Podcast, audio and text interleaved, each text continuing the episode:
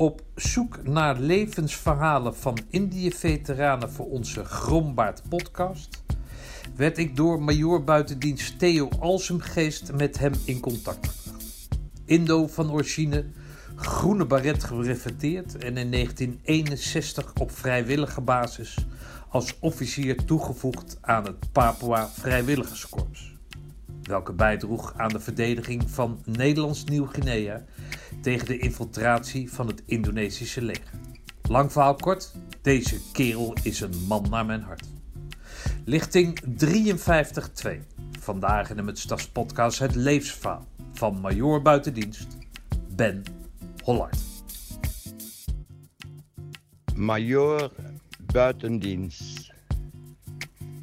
George, mijn naam is George Benedictus Hollard.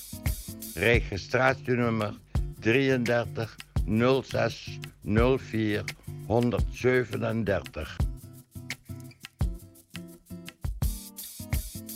We zijn in het idyllische, of we, ik, ben in het idyllische Drenthe neergestreken.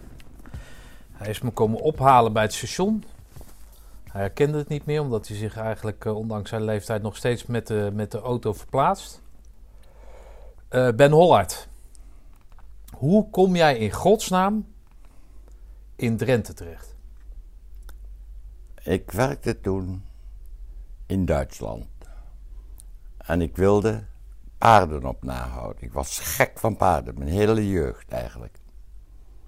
En als we op oefening gingen, dan wist mijn chauffeur, als hij paard zat, zag, om, dat hij bij het paard moet stoppen. En dan ging naar het paard toe enzovoort. Dus ik wilde paarden op nahouden. Om paarden op na te houden, moet je een stuk land hebben. En zodoende ben ik in Duitsland nog op zoek naar boerderijen die ik kon kopen. Oké. Zo kwam ik hier terecht. Oké. En wat deed jij toen in Duitsland? Ik was daar eh, eerst bij de. Bij de eh, ik, het was de 42e Panzerinfanteriebrigade.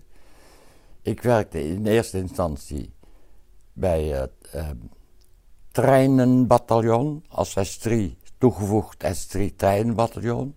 En later werd ik commandant Alpha Compagnie van het 42 BLJ bataljon. Bataljon Limburgse Jagers. Oké. En dat was in Duitsland gelegen? In Duitsland gelegen.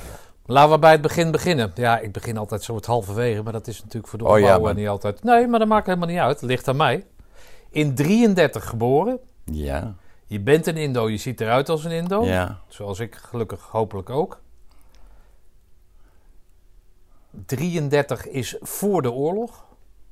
Kan jij eens een beeld schetsen wat jij, wat jij nog weet te herinneren van dat Nederlands-Indië van toen? Ja, ik- heb eigenlijk de hele oorlog bewust meegemaakt. En ook een deel van de Bersia-periode. Zeker dat deel waar Westerling bijvoorbeeld actief was. Hij werd bejubeld door alle mensen in, in Indonesië. Vooral de vrouwen gingen voor, achter hem aan. Oké. Leg eens even uit voor de luisteraars, de onwetende luisteraar, wat de Bessia-periode is. De Persia-periode was de periode eh, van de dekolonisatie, eh, feitelijk. Van 45 tot 1950. Dus de Japanners waren eruit. Nederland probeerde zijn, eh, zijn kolonie weer terug te herwinnen. Nee. Eh, aanvankelijk mochten Nederlandse militairen die opgeleid en klaar waren, niet i- eh, Indonesië in. Daar kwam eerst een Engelse eenheid. Ik denk dat het te maken heeft dat de Engelsen nog steeds jaloers zijn op het feit dat Nederland de specerijen uit Indië haalde en, en aan top staat in de handel. Ten opzichte van Engeland. Veel verder. Daarom, ja, maar dat weet ik niet. Dat is een gissing van mij. Ja. Daarom kwamen eerst Engelsen. En nadat die Engelsen na enige tijd weggetrokken waren, teruggehaald werden, kwam, kon, kwamen pas de Nederlanders. En dat is dus, daar za- zat een tijdspanne tussen. Hm. Daardoor hadden de Indonesiërs veel meer tijd gehad om zich vrij te vechten. Ja. Zij wilden zelfstandigheid. Ja. Wat te begrijpen valt natuurlijk Ja. na zoveel eeuwen onder overheersing. ja. En Nederland wilde een, een. Die heeft altijd eh, gestreefd naar een ehm, federale staat van Indonesië. Alleen Sukarno, die beleid had met zijn mond de federale staat, maar in het wezen wilde hij een republiek hebben. En federale staat is een soort zelfstandigheid van Indonesië onder leiding van Nederland. Zeg ik dat goed? Ja, dat zou, dat zou het eigenlijk geweest zijn. En toch waren de, naar mijn mening, de Nederlanders er niet direct vanuit om, om dat weer terug te halen in Indonesië. Maar die kwamen daar om rust en orde te de rust en orde te herstellen. En dat deden ze goed. Zodanig dat ik mij vanaf de, de tijd dat de Nederlanders daar waren, vrij voelde en naar school kon gaan. Oké. Maar toch zijn jullie naar Nederland gegaan. Ja, omdat mijn vader, mijn moeder eh, doorkreeg dat mijn vader in januari 45 onthoofd is door de Japanners in Anjou. Omdat hij bij de on- ondergrondse zat in de afdeling Samarang, waar we toen woonden. Mijn moeder zei toen, we hebben hier niets meer te zoeken. En heeft zich onmiddellijk opgegeven om naar Nederland te gaan. En dat is geweest in, in de jaren al snel. In 46 gaf ze erop, in 47 voeren we hier naartoe met de Kota Baru. De Kota Baru is een troepentransportschip. Jij zegt dat zo even tussen neus en lippen door dat je vader onthoofd is. Ja, Eh, dat heb jij dus nou niet zozeer bewust meegemaakt, maar ja die emotie die daarin zat binnen dat- jullie familie heb je heeft- meegemaakt. Ja, dat heeft me heel lang vastgehouden. Heel lang bezig gehouden, die gedachte. Eigenlijk totdat ik de dienst in moest. Hm. Was het altijd de herinnering aan mijn vader die mij bezig hield.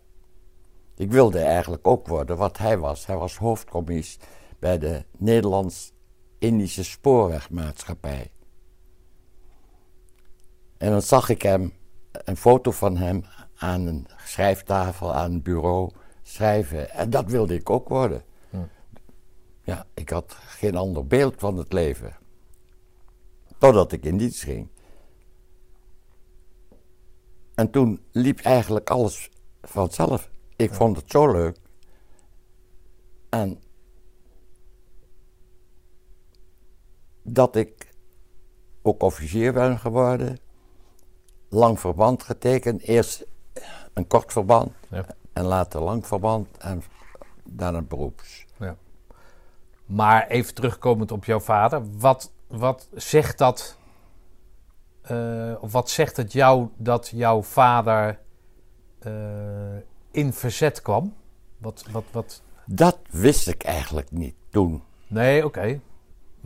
Maar wat, wat zegt dat nu over. Kijk, kijk je daar met trots op tegenaan op terug? Weet ik veel hoe je het, hoe je het noemt. Dat jouw vader het dus niet pikte dat zijn land werd ingepikt. Allereerst door Nederland, maar door de Japanners en daar in verzet ging. Wat, ben je daar trots op? Dat laatste woord. Ben je daar trots op?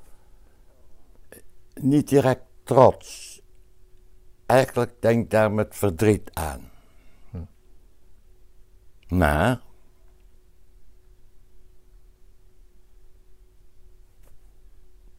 Ik eh, bewonder hem wel. Ja. Mede daarom. Nou ja, ik, Ja. ik kan me dat zo voorstellen. Ja. Dat je, dat, ondanks dat je op jonge leeftijd je vader verliest.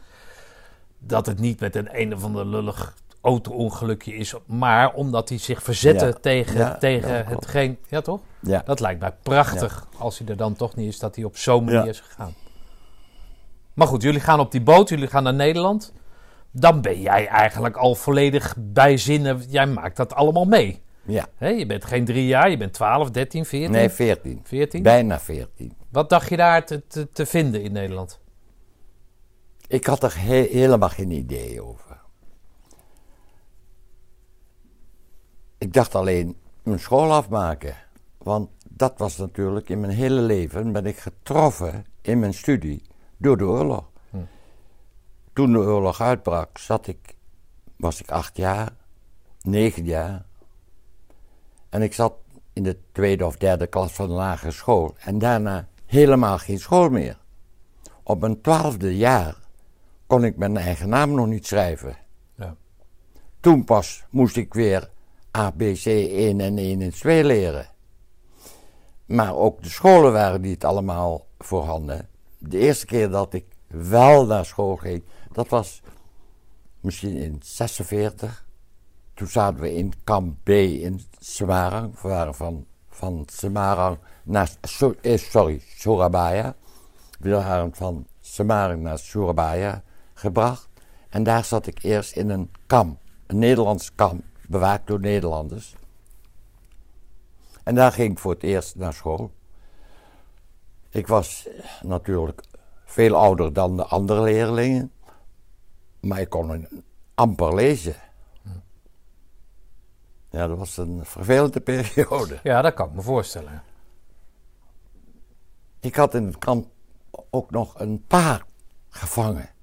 Paard? Een paard. Oké, daar komt die fascinatie voor die paarden vandaan. andere. Ja, ja, oké. Dus ik, ik ging met een touwtje, reed ik 300 meter naar school met het paard. En dan haalde ik het touwtje los, gaf ik een klap en het paard ging naar, naar de stal. Oké. Ja, dat, eh, dat was een hele grappige periode. Maar dat duurde ook niet lang. Maar goed, jij zit dus op die boot samen met je moeder en de rest van de familie. Ja, Je hebt geen idee waar wat je mij naartoe hier te gaat. wachten stond. Maar als je hier bent in Nederland, Ja. wat, wat, wat... Kan je nog herinneren wat er dan... Nou, niet door je heen ging, maar, maar zag je mogelijkheden? Dat, was het wennen? Was het... Nou, ik dat, eh, nee, ik had een prettige tijd. Het eerste paar maanden in Wijk aan Zee, daar ging ik naar school. Natuurlijk was ik wel een van de slechtste leerlingen, eh, omdat Ja, je moest alles een achterstand heb, heb gehad. Eh, maar geweldig leuk spelen in de duinen, bramen zoeken. Daarna gingen we naar Bergermermeer. Dat is de eerste, tweede, derde, de vierde school, lagere school. En elke keer weer dezelfde eh, klas, de hoogste klas. Maar de- mijn niveau was niet van die hoogste klas. Waar ligt, ligt Bergenmermeer? Eh Bergum in Friesland. Oh, in Friesland. Oké. Ja. En daar moest ik in die tijd ook nog Fries leren. Ik heb Rolje, Rolje gezongen. Wat is dat? Eh, dat is een lied, Oh, oké. Fries lied. een Fries lied. Oké. Ja, ja, ik, eh, ik versta Fries, ik spreek het niet. Eh, be- Behalve een enkele zin, boeterbrein en kritisch, wat dat dat is, ik geen op te Fries. Ik sta er geen reet van, maar dat maakt niet Ja. uit. Ben, Boter, kaas, en, eh, eh, en eieren? boot, boter en groene kaas. Wie dat niet kan uitspreken, is geen echte Fries. Ah. Maar als je dan in dat bergen bent, dan ben je een bezienswaardigheid, of niet? Nee, Nee? nee? nou dat voelde ik niet zo. Oh. We zaten in een tehuis, een oude eh seniorenwooncomplex geweest. En daar zaten Indische Nederlanders. Die bestaat nu nog. Het is nu een zalencentrum. Oké. Ik heb nog een, een polder daarvan. Ben ik nog later terug geweest. En de eigenaar, ze spreken daar over dat het daar spookt.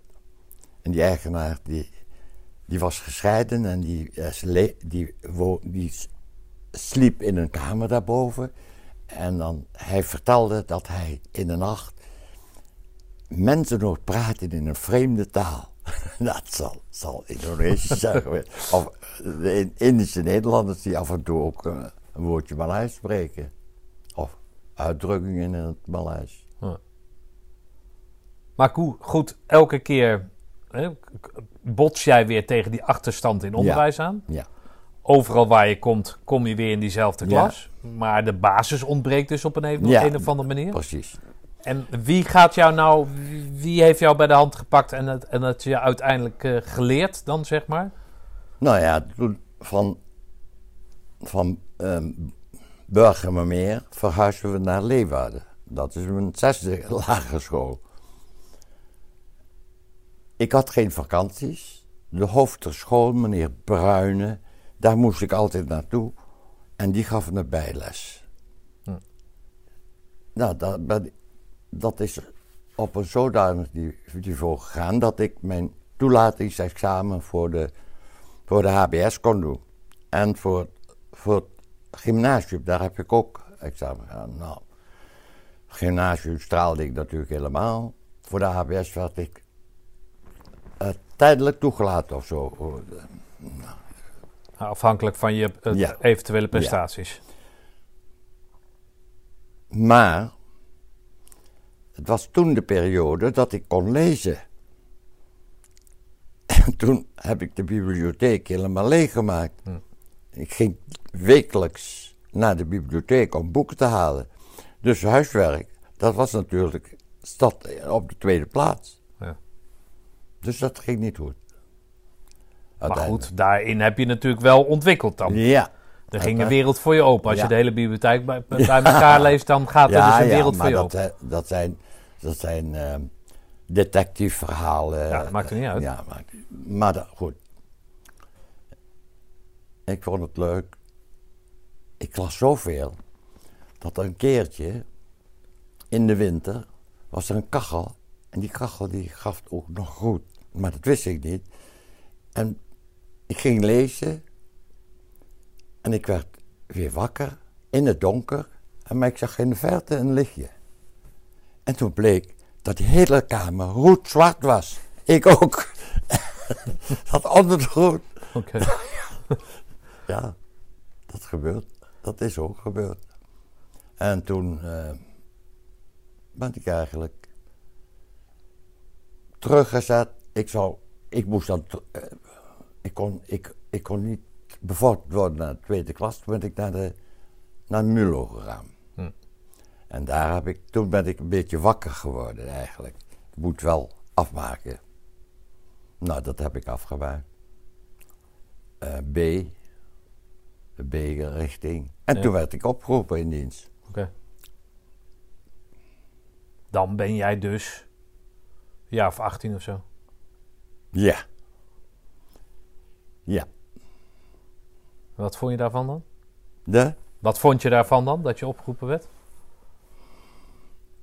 Enerzijds jammer dat ik niet terug kon gaan naar de HBS en verder studeren. Ja. Want dat wilde ik.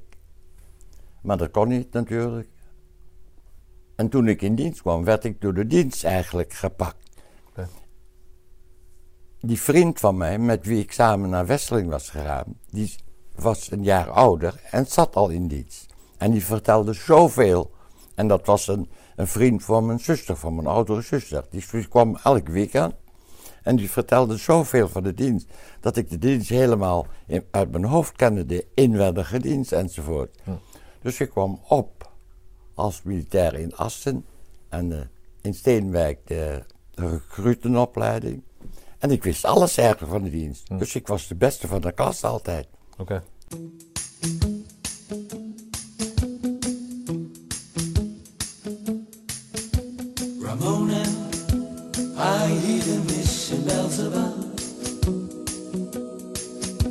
Ramona, they ringing out a song of love.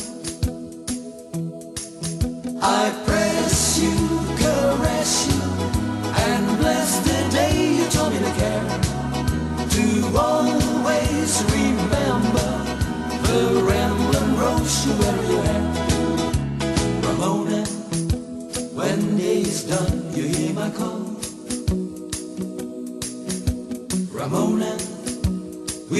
beside the waterfall. I'll dread the dawn when I awake to find you gone. Ramona. Was je een beetje fit ook? Een? Beetje fit? Ik was bijzonder fit. Oké. Ik kon alles meedoen, geen probleem. Oké. Okay. Toen de recruitenopleiding, de eerste elementaire militaire opleiding, afgelopen was, werd de hele depot verplaatst naar Roermond. Oké, lekker, lekker. Om daar de voortgezette militaire opleiding, de wapendienstvak technische vorming noemen ze dat, hè. Oké. En het gekke was dat ik in Roermond helemaal geen dienst meer hoefde te doen. Ik werd continu, mijn, twee maanden lang was ik soldaat van de week. Omdat ik alles al wist van, van de hele militaire dienst. Oké. En ik, ik zat de hele tijd, dat, dat heb ik nog nooit meegemaakt. Waarschijnlijk komt dat ook nooit voor. Maar dat is dan uniek. Dat ik alleen maar bij de sergeant van de week zat. Die wisselde per week. En mensen op rapport moest brengen naar de kapitein. En de- mijn klas af en toe moest afmarcheren naar het baden en naar de sport. Oké. En toen dat afgelopen was, was ik als enige die naar de SRO ging. Er SRO is de... school reserveofficieren infanterie. Oké. Hoe dat kwam, weet ik ook niet. Oké, maar ja, je had MULO, dus... Waar, Ja. waar- ja. Ja, aanvankelijk eigenlijk. Maar in die tijd kon het wel. Was het, was het nog. Zagen ze dat ook door de vingers. Waarschijnlijk. Nou, wil je daarmee zeggen dat je eh, eh, afgerekend werd op prestatie? En niet zozeer op je papiertje? Ja, Dus die prestaties waren Ja. goed. Eén, omdat je veel van dienst wist. En twee, Ja. omdat je fit was en al, aan alles mee kon doen. En dat maakte dat jij... ja, en op mijn PD1, weet je wat een PD1 is? Nee?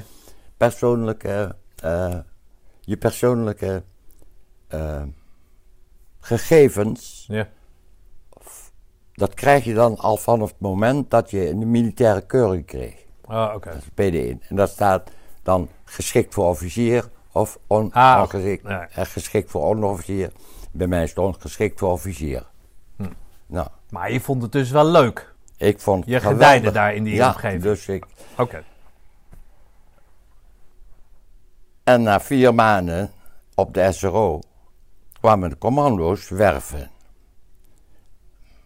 Ik, de naam ken ik wel nog wel, maar die zijn allemaal overleden nu. Van Ik gaf degene me die op. daar kwamen werven. Ja, en Ja, ik, heb het natuurlijk opgegeven voor de commando's. Ja, want? En ik werd geaccepteerd. Vanaf dat moment wist ik dat ik zou slagen. Dat, dat, dat kon ik afmaken, ook nog. Ik kreeg gelijk eh, mijn, eh, mijn uniform, mijn eh service stress werd er al gemeten. Toen wist ik dat ik zou slagen. Nou ja, ik, ik ben ook geslaagd. En naar het korps gegaan. Oké. Maar daar hadden ze dan behoefte aan, aan officieren die in staat waren om de groene beret te halen. Op, Ja. die, op die basis werd je, Ja. werd je binnengehaald. Ja, Oké. En dan? commandoopleiding. Oké. Ben je dan al beroeps of ben jij dan nog Nee, steeds... Dienstplichtig. Dan ben je nog steeds dienstplichtig. Dus dan ben je... Dienstwester Vaandrig. Vaandrig. Oké. En dan ga je die commandoopleiding in. Ja, Ik heb gezien dat. Nee, dat heb ik niet gezien. Nee, dat was een andere opleiding. Eh, noem eens een paar instructeurs uit die, eh, uit die tijd. Welke lichting, eh, bij KST-lichting ben jij? dat is de eerste individu- individuele aanvullingssysteem. Oké. De niks. eerste fillerhap. Blommaert, Postumus. Eh, ja, dat, naam ken ik niet meer uit het hoofd. Commandant, weet je die? De commandant was Blommaert. Ah, oké. eh, de luitenant Blommaert. En dan was zijn plaatsvervanger was de, de luitenant Anne Flink. Anne Flink is nog kolonel geworden. Hier in Johannes Postkazerne zat hij laatstelijk. Heb ik nog vanuit RMC nog contacten met hem gehad. Oké. Spreekt het je aan? Wat Die, zei je? eh, Spreekt het je aan? Eh, wat bedoel je met... Nou, spreekt het je aan als je daar dan toch zit? Oh, je dat hebt- je in die ACO zit. Is dat iets voor je? Ja, nou, dat heb ik met veel, veel plezier gedaan. Oké. Maar het was niet afzien of zo, of dat je er Nee, nee, nog eens wakker van wordt. Of, of nee dat, heb ik, dat heb ik eigenlijk nooit als zodanig meegemaakt. Ik kon alles volgen. Fysiek was ik, was ik in staat om alle opdrachten uit te voeren, laat ik zo zeggen. oké. Met hoeveel zijn jullie dan? We waren met 100 zoveel man gestart in de ESO. En toen was de ESO nog in buiten, dichtbij eh, de schietbaan.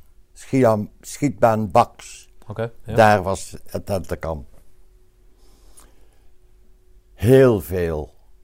Wekelijks gingen zoveel lieden weg. En uiteindelijk slaagden we met 27 of 33 man. Oké. Nou, dat is een aardige uitval dus. Ja, heel veel uitvallers. Met 180 man zo begonnen. Wat voor een seizoen was dat? De, Wat voor een seizoen? Was het winter? Was het zomer? was het, eh, dat was nog de overgang winter naar, naar eh, Lente. voorjaar. Dus Ah, oké. eh, februari, maart. Regen. Ja, ja, regen. En eh, ik weet nog, gaan erin altijd eh roadwork, hardlopen, dekken in de modder. Hm. En de sportinstructeur die wees de boom aan. Als ik tot tien tel, zei hij, zitten jullie allemaal in die boom. Maar ik zag wel, die boom, dat, dat, dat te klein nog wordt dat om al die mannen. Dus ik keek naar een tak, die, die, die, waar, waar ik bij kon, eventueel. Hij telde negen en ik sprong naar de tak. Maar anderen dachten hetzelfde. En die gingen ook aan de tak. Dus de tak, tak zei, doe het zelf maar. Krak en boem, daar lagen we op de grond. Daar kregen we een strafopdracht voor. Oké. Dan kom jij uit die ACO. Is dat nog een, mo- is dat nog mooie momenten zo met die, die tranenpoort? Dat staat die moeder daar bijvoorbeeld? Of, of... Ja, ja, Ja? ja, ja. Ik had een hele zware ESO. eh, Met blaren. Oh wel.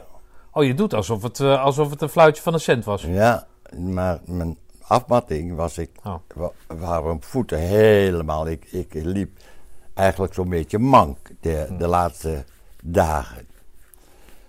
Alleen de opvang met de drumband voorop, die opvang, en daar binnen liep, ah, dan liep je op, op eieren.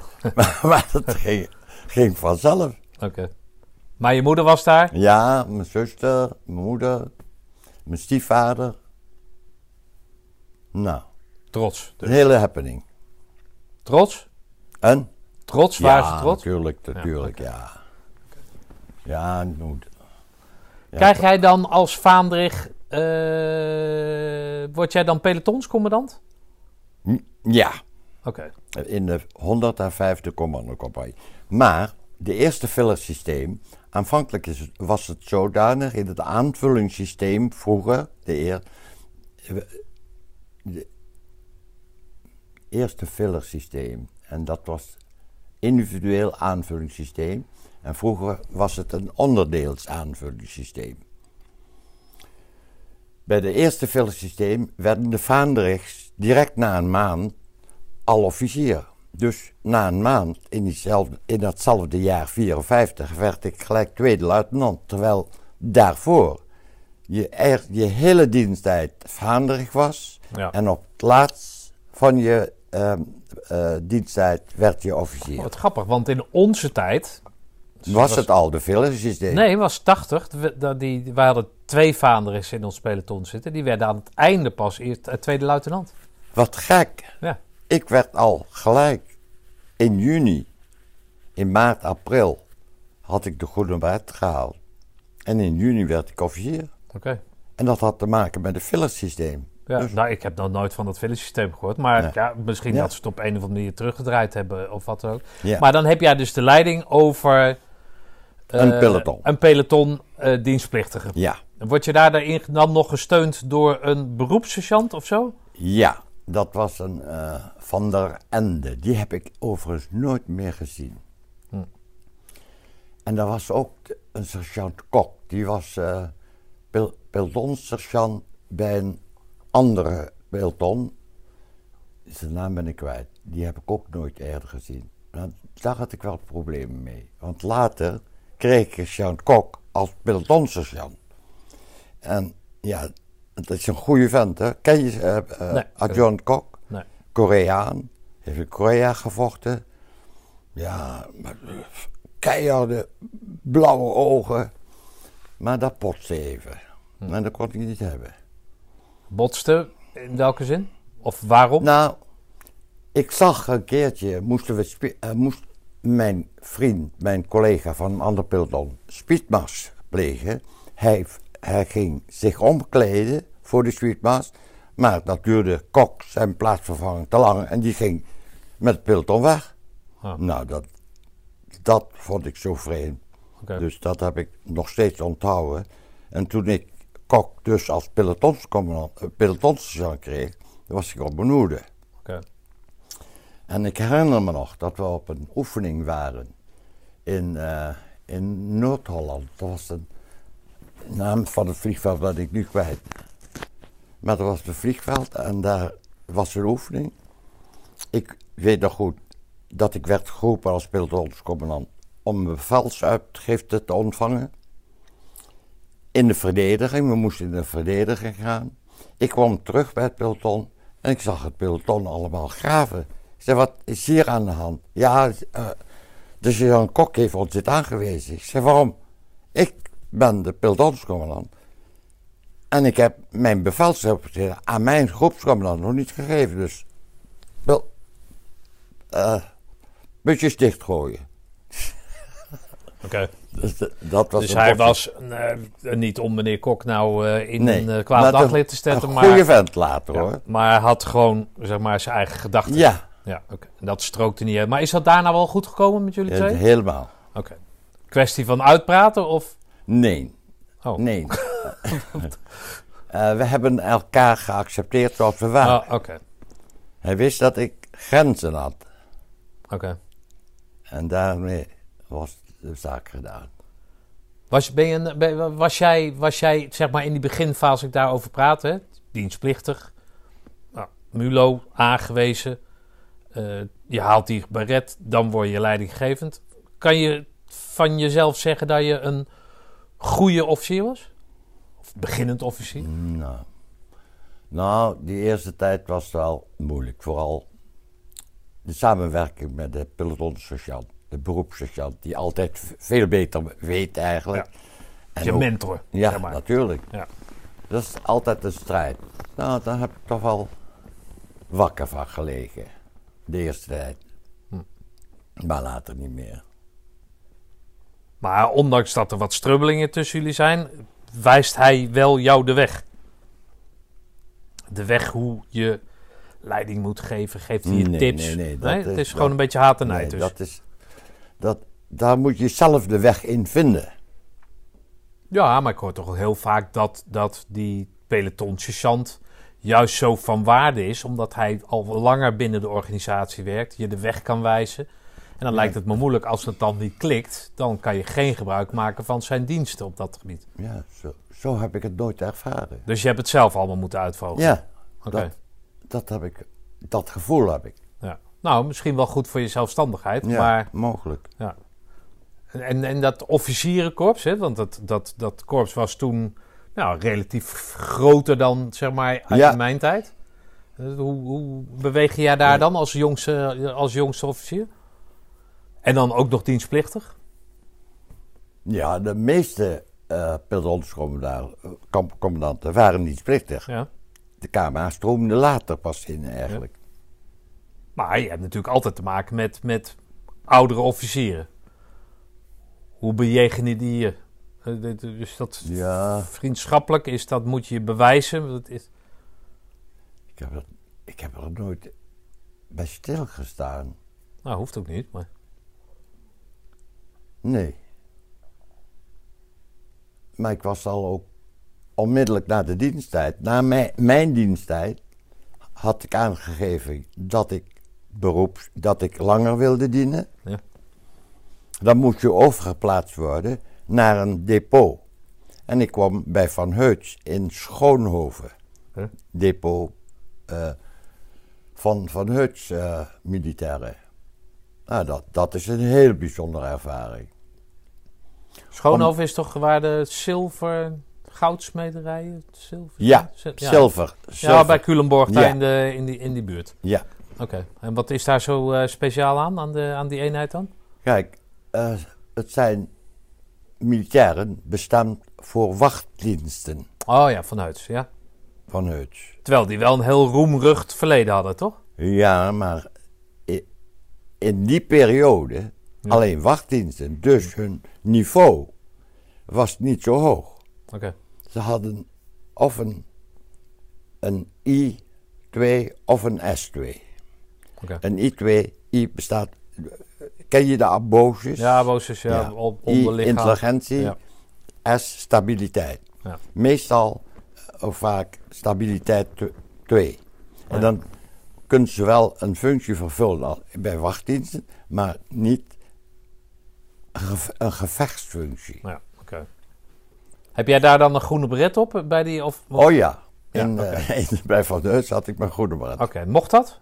Ja, als, eh, als ik, ik was geen Van Heutser, ik was commando. Ah, oké. Dus met ook de, de- het, het wapen van, van KST ja, erop? Ja, Oké, dus je werd een soort uitgeleend, zeg Ja. maar. nou uitgeleid. Ik was daarover geplaatst. Ja. Alleen Van Heuts had geen aparte, aparte naam. Als ik bij de Limburgse jagers zou zijn geweest, dan had ik een, mijn beret moeten afzetten. Ja, ja, oké.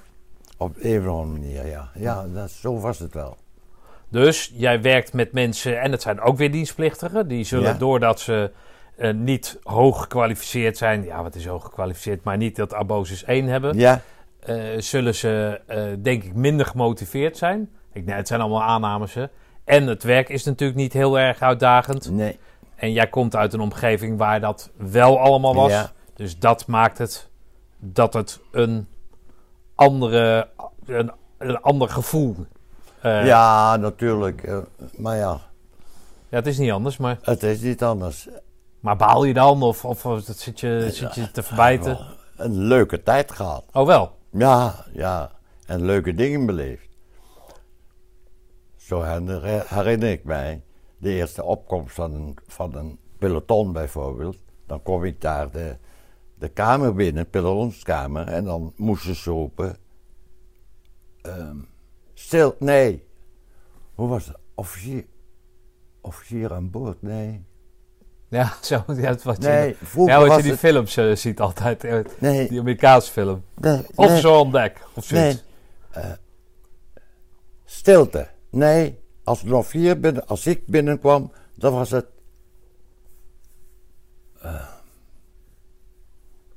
moesten ze in de houding staan. Ja.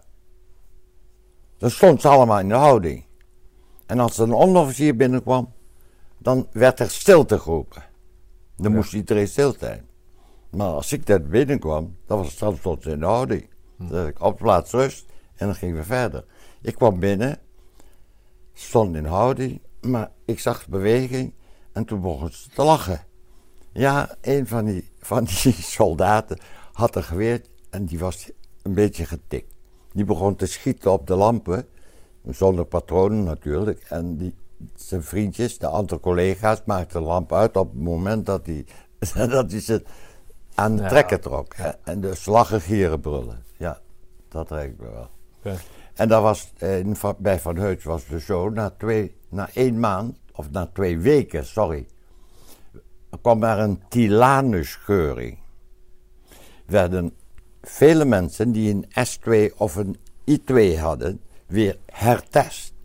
En zo kwamen er nog erg veel, werden er dan afgekeurd. Dus die bleven op datzelfde niveau zitten, I2, Ja. S2. Ja. En die werden dus hun- Ja. de rest van de dienst het waard veroordeeld tot een bewaking, om het zo maar te zeggen. En, ja, Ja, dat en alles, iedereen die werd herkeurd en, en S1 Ja. werd bevonden, die werd overgeplaatst. Pas later werd er een bataljon van Heuts opgericht. En dat waren normaalse soldaten. Ja. Dat, die ging ook naar de Korea, toch? Dat Die was gingen- vanuit. Nou, Korea was al lang afgelopen. Oh, was Korea al af? Oh, Ja. oké. Oh, oké. Oké, welk, welk, want welke lichting ben jij dan? Dat, dat... Lichting 53-2. Ja, oké. Ja, nee, toen was Korea, ja, oké. Ja, nee, toen was Korea natuurlijk, toen jij dan bij Van Heut zat, Afgelopen, was ja. afgelopen inderdaad. Al lang afgelopen. Maar later werd er een bataljon van Heuts opgericht. En die kreeg normale soldaten. Hm. Van een redelijk abortus. Meestal, in elk geval geen S-afwijking. Hm. Stabiliteitafwijking. Oké. Want dan mogen ze geen gevechtsfuncties eh, uitvoeren. Zitten daar dan nog kerels bij die dat dan, zeg maar, zo'n mindere kwalific- kwalificatie hebben, maar waarvan jij vermoedt, daar zit veel meer in? Nee, daar heb ik niet bij stilgestaan. Oké, dus het, het, het, hetgeen Ik wat... probeerde alleen een zo goed mogelijk. En in die tijd werden altijd ehm, vaantjes uitgereikt voor de beste peloton. Ja, De beste peloton, daar was, ik- daar was je mee bezig. oké. Daar heb ik eh, hoeveel jaar gezeten? 54. Heb ik toch wel lang gezeten, zo'n 8, 9 jaar. Dat meen je niet. Ja, en van daaruit, daar heb ik bij, kreeg ik te horen. ze- er wordt een Papua-bataljon op, eh, eh, opgericht in Nieuw-Guinea. En er worden officieren gevraagd. Ik heb er gelijk opgegeven. Ik ben bij de kolonel. Van, ehm, hoe heet die weer? Van Heuven geweest. Hij nam me gelijk aan. Dus toen, van daar, van, van Heuts af, ben ik naar Nieuw-Guinea gegaan. Maar even terug. Hoe is het dan als je dan eh, bij het korps hebt gezeten? Als je dan aangeeft dat je door hè, voor promotie een ander onderdeel aan moet doen. Ja. Waar jij dan aangeeft dat die stabiliteit nou niet de juf van het is. En om daar dan acht, negen jaar te, te verblijven. Hoe, hoe is nou, dat dan? dat is keihard werken. Om van, van nul een militair te maken. Ja, ja, oké. Dus Doe jij dat- dat dan op de, op de, de Roosendaalse manier? Probeer je daar dan... Heb je wel eens Ja. vaantjes gewonnen? Of, of... Ja, oh ja. Oh, oké. En, en mijn beste vriend, dat, die ook getuige geweest bij mijn huwelijk, commando, Ja. Wie is dat? Besters. Oké. Besters heeft ook nog een. eh, hij werd, werden vragen gesteld in de Tweede Kamer. Van is het de minister bekend dat er bij het korpscommandotroepen een luitenant loopt eh, van het type 0815? Dat boek 0815. Ken ik niet. Nee, nee, nee, nee, maar ik het zit aan de microfoon Ja. vast. Maar wat is 0815? Dat is een, eh, een, een Duits. Een, een, een officiersopleiding in Duitsland. Oh, oké. En dat, En die dat waren natuurlijk. staat voor een harde Ja, hard- hard- hardheid. Oké. En jij Nou, was die luitenant? Ik was toen luitenant. Nee, maar was jij die luitenant die ze bedoelde? Ah, ja, dat hij. Besters. Die ehm, heeft een straf gekregen. Oh, hij, Besters was eh, die luitenant Ja, waar ze het over ja. hadden. Oké. hij- Ja, is ook helaas. Mijn beste vriend was dat toen. Mijn voorbeeld. Eh, hij was tentenkampercommandant.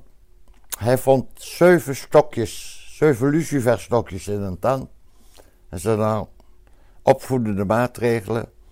Tentenkamp, jullie moeten allemaal een gat graven van 7 bij 7 bij 7. Dat is natuurlijk wat zinnig, hè? 7 centimeter, 7 meter? Wat, wat?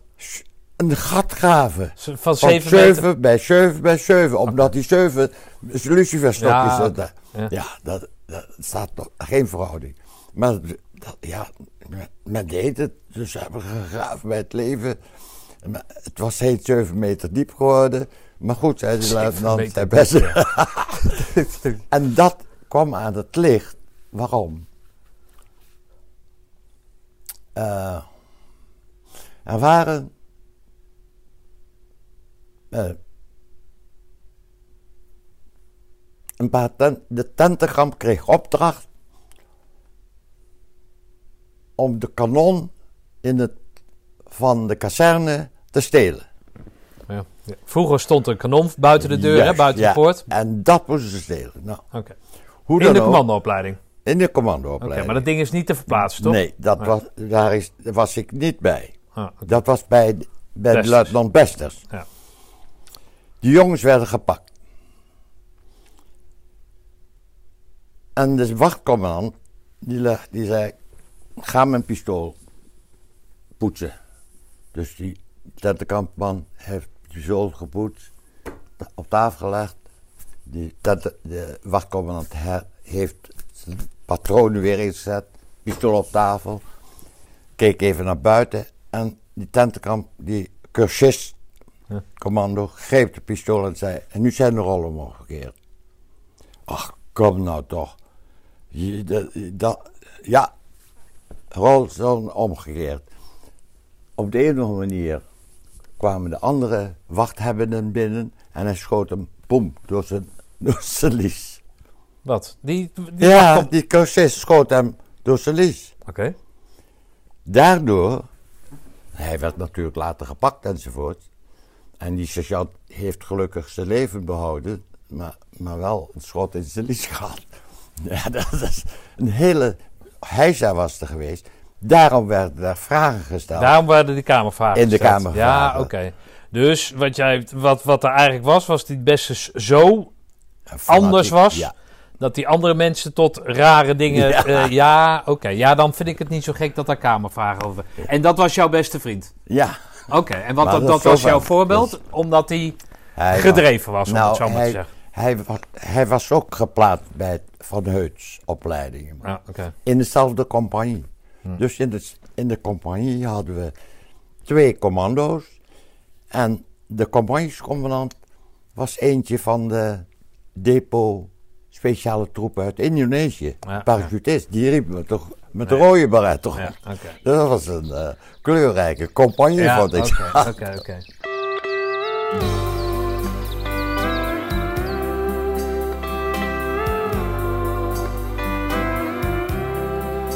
My little bird up in the tree, how beautiful you sing. I made up my mind and I'll wait till she comes back to stay. Oh, little bird up in the tree, yes, you sing so tenderly. Oh, tell me there that she will come home to stay.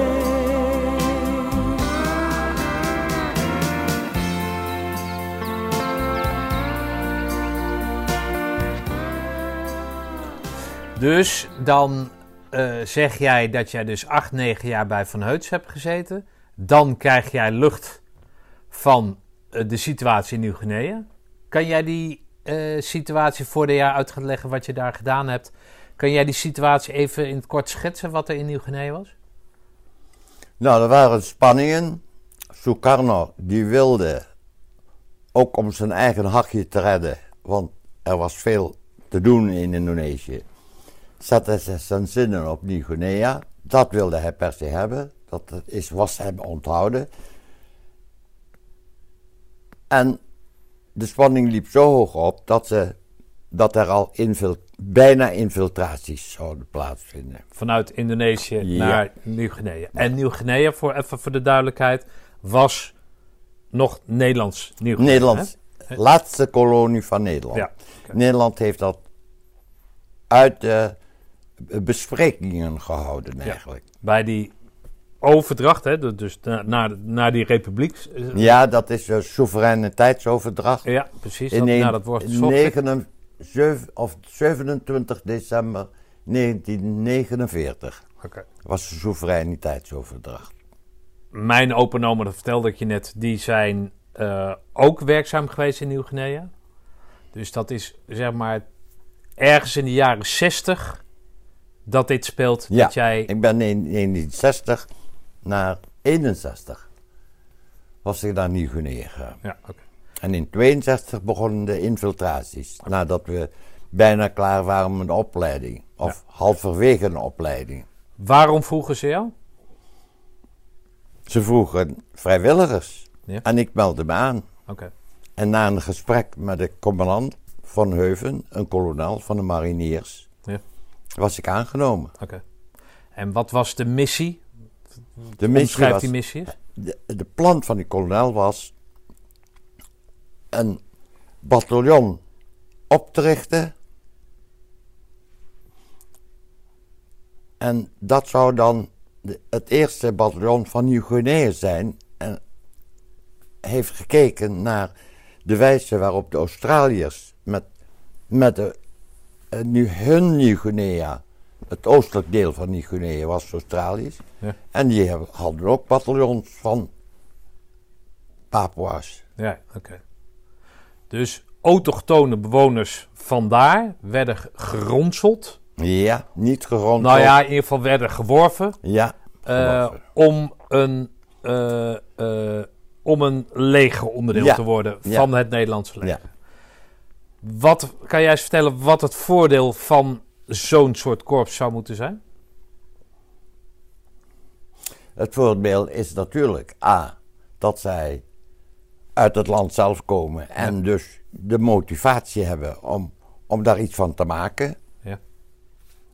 Bovendien eh, heeft een land die zelfstandig is meer eenheden nodig om het land te kunnen beschermen. Nou ja,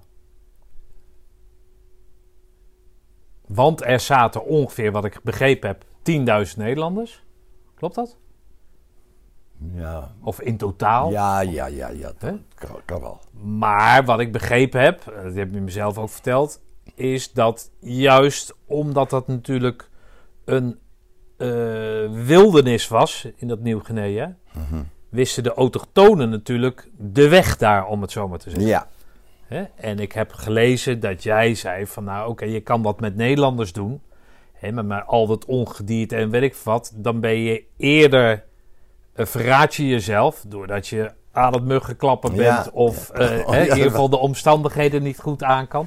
En die jongens, die komen van het eiland. Dus die zijn daar helemaal in hun element. ja. Dat, dat is de kracht, zou de kracht moeten zijn, of is de kracht gebleken van dat korps. Ja. Bovendien hadden ze veel minder voedingsmiddelen nodig. Want ze konden ook van het land leven. Ja. Nou, het is hun land. Ja, Ja. hun land. Ja. Ze wisten precies welke planten je wel kon eten en niet kon eten. Ja. Maar daarin, hè, in eh, dat stukje geschiedenis, waar ik niet, hè, eerlijk gezegd, niet zo heel goed in thuis ben. Ik heb hem een beetje proberen in te lezen. Maar daarnaast ging Nederland daar naartoe. Ze zaten er al, maar ging Nederland daar eh, eh, nou ja, in actie. Omdat zij die, dat Nieuw-Guinea een eigen status hadden Ja. beloofd. Vertel daar eens wat over als je wil. De, Vertel jij daar eens wat over? Wat Nederland eh Nieuw-Guinea beloofd had? Of beloofde? ja, een zelfstandig land zou dat, worden, zou dat worden. Maar voor Nederland was die Guinea eigenlijk niet zo belangrijk. Later wel. Eh, de- eh, ik dacht aan olie en het is een, een, een rijk land eigenlijk. Hè? Ja, maar niet zo rijk als Nee. al die andere. la- Hè? Nee. Het was een van de minst Ja. vruchtbare Klopt. delen, toch? Ja. Eilanden. Ja. Ja, En dus, minst ontwikkeld. en minst ontwikkeld. Maar Nederland had beloofd aan die... Eigenlijk uit het onvrede dat Nederland Indonesië moest de soevereiniteitsoverdracht moet doen. Ja, Op grond van, van eh, Verenigde Naties overleg de onafhankelijkheid moest geven. ja. En Jullie Nederland- mogen Indonesië hebben, wij houden, Ja. wij houden Nieuw-Guinea. Dan op een gegeven moment Ja, in de jaren 60. Omdat Nederland zo ver af lag van. Ja, natuurlijk. Van, ja. Als je goed erover nadenkt, Ben. Maar nee, nee, dat, Nee? Ik, ik, kon, ik kan me dat heel goed voorstellen. Bovendien was de Papua totaal anders als de Indonesiër. Ook qua uiterlijk. Hm. Ja, Ze hadden een krullen daar. Ja. Net als de neger bijvoorbeeld. ja. Niet allemaal. Maar het is een totaal ander volk. Dat zijn Polynesiërs. Dacht ik. Ja, je hebt Polynesiërs en A, nog iets met een A. Maar ja, goed. Maakt op zich verder niet veel uit. Nee. Maar qua uiterlijk en qua heet Ja. dat, doen en laten En, en, en ontwikkeling, Morris, en was het anders. was het was totaal anders. anders. dan de Indonesië. Ja, precies. Dus jij wil zeggen, of zeg jij, dat is meer een vraag, zeg jij dat het eigenlijk gewoon meer een prestige ding was? Het was, Jullie, eh, wij hebben Indonesië ik, moeten ik afgeven. denk dat het voor Nederland een prestigezaak Ja, was. en wij houden gewoon even lekker Ja. hè? Ja. Maar daarin was Ja. Amerika van, hè, Ja. van, van, van eh, eh, invloed. Want die heeft op een gegeven moment gewoon gezorgd dat Nederland alsnog Nieuw-Guinea heeft moeten afstaan. Ja, en dat is dankzij de Russen hebben, heeft eh, Indonesië de meerderheid van de Verenigde Naties achter zich gekregen. Hm. En dat is al ehm, voorspeld door Westerling. Hm. Westerling, hier is dat, dat boek, dat eerste boek van hem, heeft al gezegd, heeft dat eigenlijk voorspeld, dat de, de communisten daar een grote invloed hadden. Sukarno is ook door de communistische partij, leden van de communistische partij, gedwongen om de proclamatie om Indonesië eh, de vrijheid van Indonesië te proclameren. Ja, oké. Maar goed, jij zegt van, het was, nou ja, maar En dat- ergens, weet je, als je dan met van die eh, eh, grootmachten te maken hebt, heb je natuurlijk als piepklein landje als Nederland, als je daar zoveel mensen naartoe stuurt, weet je wel, wat heb je daar te doen? Hm. Maar goed, dat is een politieke, dat, Ja, zoeken ze al zelf maar uit. Ik denk dat we de oorlog hebben gewonnen, maar politiek verloren. Ja. En eh, wat mij dwars zit, en ook mijn collega's waar ik nog steeds contact mee heb, die zeggen: we hebben gewoon de, de Papua's in de steek gelaten. Ja. Maar even terugkomend. Hm. Jij komt daar. Wat tref je aan? Eh, en wat is nogmaals, wat is de missie van, van, de, van dat korps wat jullie. eh, In eerste instantie moesten we dat korps oprichten. Ja. Dus je kwam eraan, waren er 49 soldaten. Die- dat was het. Ja, dat was de corveeërs en die deden eigenlijk inwendige dienstzaken. En toen kwamen de, de eh, eerste, eerste recruten op. Oké. En dat was gewoon middels een poster in dorpen opgehangen. Ja, Wie wilde dat- zich ja, door, door aansluiten? heel, heel die Guinea. Overal, uit elke streek eh, van die Guinea waren er een paar jongens. En daar begonnen we gewoon de opleiding mee. Ik zat in de instructiecompagnie. Het, het is eigenlijk, je moet zo voorstellen, de encadrering was voornamelijk mariniers. Van Heuven was een marinier. Des 3 was een marinier. Eh, En daar zat een, een paar landmacht tussenin. En ik was ook een van de landmachters. Van de commando's. Ik werd geplaatst bij de instructiecompagnie. Samen met die collega die nu in Emmen woont, die 87 jaar, Ja. waar ik gisteren nog, gisteravond nog was. Daar kom ik vaak hoor. Hij was, de, hij was marinier. Eerste luitenant, maar Hoe heet eh, hij? tweede luitenant was hij. Ehm, Is dat Theo van Hees. Oh, Theo van Hees. Oké. Hij is eh, marinier. Later heeft hij aan zijn rug gekregen. Toen werd hij overgeplaatst in de marine. Dus hij is uiteindelijk zijn dienst verlaten als kapitein-luitenant ter zee. Hele goede officier. Hele goede officier. Met een brede belangstelling, ook voor de bevolking. Ja, ja. Een ander, ander type officier. Aanvankelijk hadden we, konden we elkaar niet zetten. Maar zijn vrouw en mijn vrouw, die spraken bij elkaar. Die zeiden, onze mannen, die, die hebben het niet zo van elkaar. Toen kwam ik thuis, zei mijn vrouw, we moeten op bezoek bij de familie van Hees. dacht ik, ja, wat moeten we daar? Maar we gingen daar op bezoek en ik keek mijn ogen uit. Hij had slangen, hij had eh, allemaal gekke dingen. En toen hebben we elkaar eigenlijk door dat bezoek geaccepteerd zoals we waren. Oké. Nou, mooi. Ja, dat is een heel bijzonder. En, en dat is zo gebleven. Hm. Nu nog. Hij is zo breed. Ik, ik kom daar heel graag. En dan praten we over, over alles. Later is hij ook eh, kapitein-adjudant geweest van een gouverneur in, in, ehm, in Curaçao. Aruba, in Aruba. Maar dat van, van heel eh Caribbean gebied. Oké. Ja, dat is apart. Ja. Maar goed, dus die, die, die Papua's, hè, de auto- autochtone bevolking, die gaan jullie werven, die komen daar aan. 200 man. eh 20 klassen. 20 klassen van 20 man. Nee, 10 klassen van 20 man. Ja, sorry. Ik had 10 kla- eh, 5 klassen. En Van Hees had 5 klassen toezicht. En bij elke klas een sergeant van de mariniers. Oké. En daar begonnen we de opleiding mee.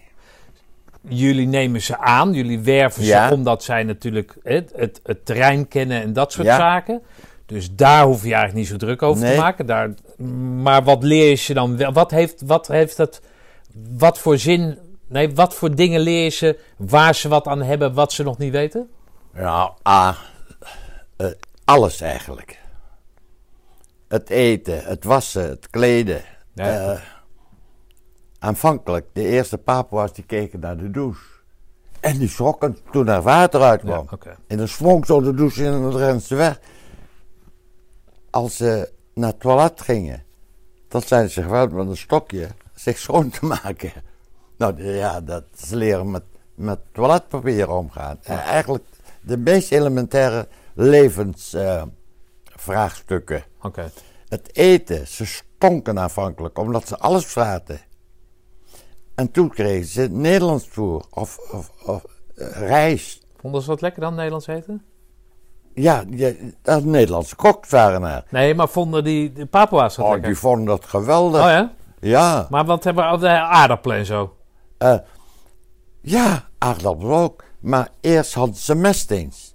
En ze zagen ons aan, met borden eten. Toen zeiden ze, vroegen ze, ja, waarom, waarom dat verschil? Toen kregen ze ook borden. Nou, als er één of twee borden in die hele tijd stuk zijn gegaan, Is dat is een statussymbool. Met het bord, zo marcheerden ze naar het Oh, ik zag zo'n foto met een Ja, ook nog in een hand. Ja, oké. Dat was een statussymbool. Ja, ja, oké. Dus het, het betekende ook wel wat Ja. voor hun. Ja, Het was vechten Ja. voor hun land eigenlijk. Ja, Ja. toch? Want daar, hè? En die onafhankelijkheid die er mogelijk zat aan te komen. of daar gingen zij vanuit. En wat was jullie missie nou met dat, Nou, met dat korps? uiteindelijk kwamen er infiltraties. En toen moesten er... Van de Indonesiërs, hè? Ja, van Indonesiërs. Want in die tussentijd had Sukarno zijn eh chef-staf, en dat was Suharto, opdracht gegeven om een invasieleger klaar te maken. En in, die, in dat eh, invasieleger zaten ook Russen. Met Russische onderzeeboten. Dat had Westerling al voorspeld. De Russen hebben een voorspraak gedaan bij de Verenigde Naties. Daardoor kregen ze, kreeg Indonesië het voordeel van de twijfel van, van Amerika, Australië, Engeland. Ik heb gelezen dat daar 30.000 man lagen. Die ja, invasie Ja, ja, dat klopt. En op dat moment waren er ongeveer 10.000 Ja, Nederlanders. Ja. We- Dus je maakte geen schijnvakantie. ja, dat weet ik niet. Nee? Dat weet ik niet, want dat liep van, van alles ging fout. Hun eerste start was ook al fout. Er was een onderzeeboot van Nederland. Die zei: Ik heb nu zicht op zoveel schepen. Ik kan ze torpederen. Heeft toestemming gevraagd van, van de regering. Nee, niets doen. Maar ik weet zeker, stel je voor dat die wel opdracht ja. gekregen, het kanaal af. Dan was die hele invasieleger in elkaar gestort. Ja, maar... Ik weet niet, ik weet niet. En getalsmatig moet je zeggen, dan zouden we onder voet zijn gelopen. Ja. Maar ook die afstand tussen Nederland en Nieuw-Guinea is natuurlijk niet, niet Nee. dat je binnen drie uur zeg maar nog eens even 10.000 man kan invliegen. Nou. Uit, uit, uit Indonesië. Nee, uit Nederland. Stel Ja. dat, hè, Ja, jij ja, bent daar met 10.000, zij zijn met Ja. 30. Ja. Je schiet een paar boten, nee, maar, torpedeer je, met, maar met, de, met ons, onze lu- luchtmacht en marine daar ja. hadden we het wel lang kunnen Ja? volhouden. Ja. Dat, dat geloof ik in. Daar geloof ik in. Ja. Maar al met al, als je het gewoon puur sec bekijkt, had je natuurlijk geen schijn van kans. Zeker En wat, wat, had, wat had Nieuw-Guinea ermee opgeschoten? Nou ja, dan Nou, sterf je misschien voor je Dan hadden we volk ons, en vaderland. ons woord gehouden. Ja, oh zo, ja, nee, maar dat is waar Ja, inderdaad. dan ja. hebben we ons woord gehouden. Nu hebben we het gevoel dat we Nieuw-Guinea prijs hebben gegeven. Ja, oké, dat snap ik. Ja, dat snap ik. ja. Hm. Ja, Zit je daarmee? ja. daar zit ik. En, en zeker Theo. Hm. Die heeft daar ook nog een lezing gehouden. In de Tweede Kamer is hem gevraagd. Ik heb zijn, zijn eh, lezing hier zelfs. Want we, we praten natuurlijk met elkaar, eh, overleggen veel. Een hele goede lezing. Ook heel goed gevallen. Waarin hij dat gevoel Ja, heeft weergegeven. Ja. Jongens, dit hebben wij beloofd. ja, Zo zijn we ermee Ja. omgegaan. Wij naaien hem eruit. ja, En we laten hun in de steek. ja, uiteindelijk wel. Oké. Dat gevoel is bij ons gebleven. Oké. En Dat- ons is niet alleen jij en Theo. Nee, Maar dat is iedereen die daar gezeten heeft? Ja, nee, nee, de vier pelotonscommandanten van toen. Ah, oké. Dat zijn Bram Bikaar, een overste van de landmacht. Jim Enters, dat is een, eh, die was dienstplichtig officier. Bij de mariniers, toch? Ja, dienstplichtig. Dus hij zwaaide af. Is, heeft toen carrière gemaakt bij eh Axo Nobel. Is directeur Axo Nobel in Texas geweest. Directeur Axo Nobel in Thailand, geloof ik. Ja. En directeur Axo Nobel in China. Oké. Is geen kleine jongen. Daar, geen kleine jongen. Hij is daar eh, opgehouden en met pensioen gegaan. Maar heeft daar gelijk een, eh, een bedrijf opgericht. Om andere bedrijven die daar willen investeren in China te te helpen. Ik, kreeg nog een brief van hem, een, een, een appje van hem toen. Ben, ik ga binnen, want hij was gescheiden in Amerika. Zijn zoon, zoon en dochter woonden in Amerika. Zijn gescheiden vrouw woonde in Amerika. Hij zat in China. Hij schreef me, Ben, ik ga binnen, binnenkort trouwen met een Bini Muda. Jonge vrouw. Heeft Jim goed gedaan dan?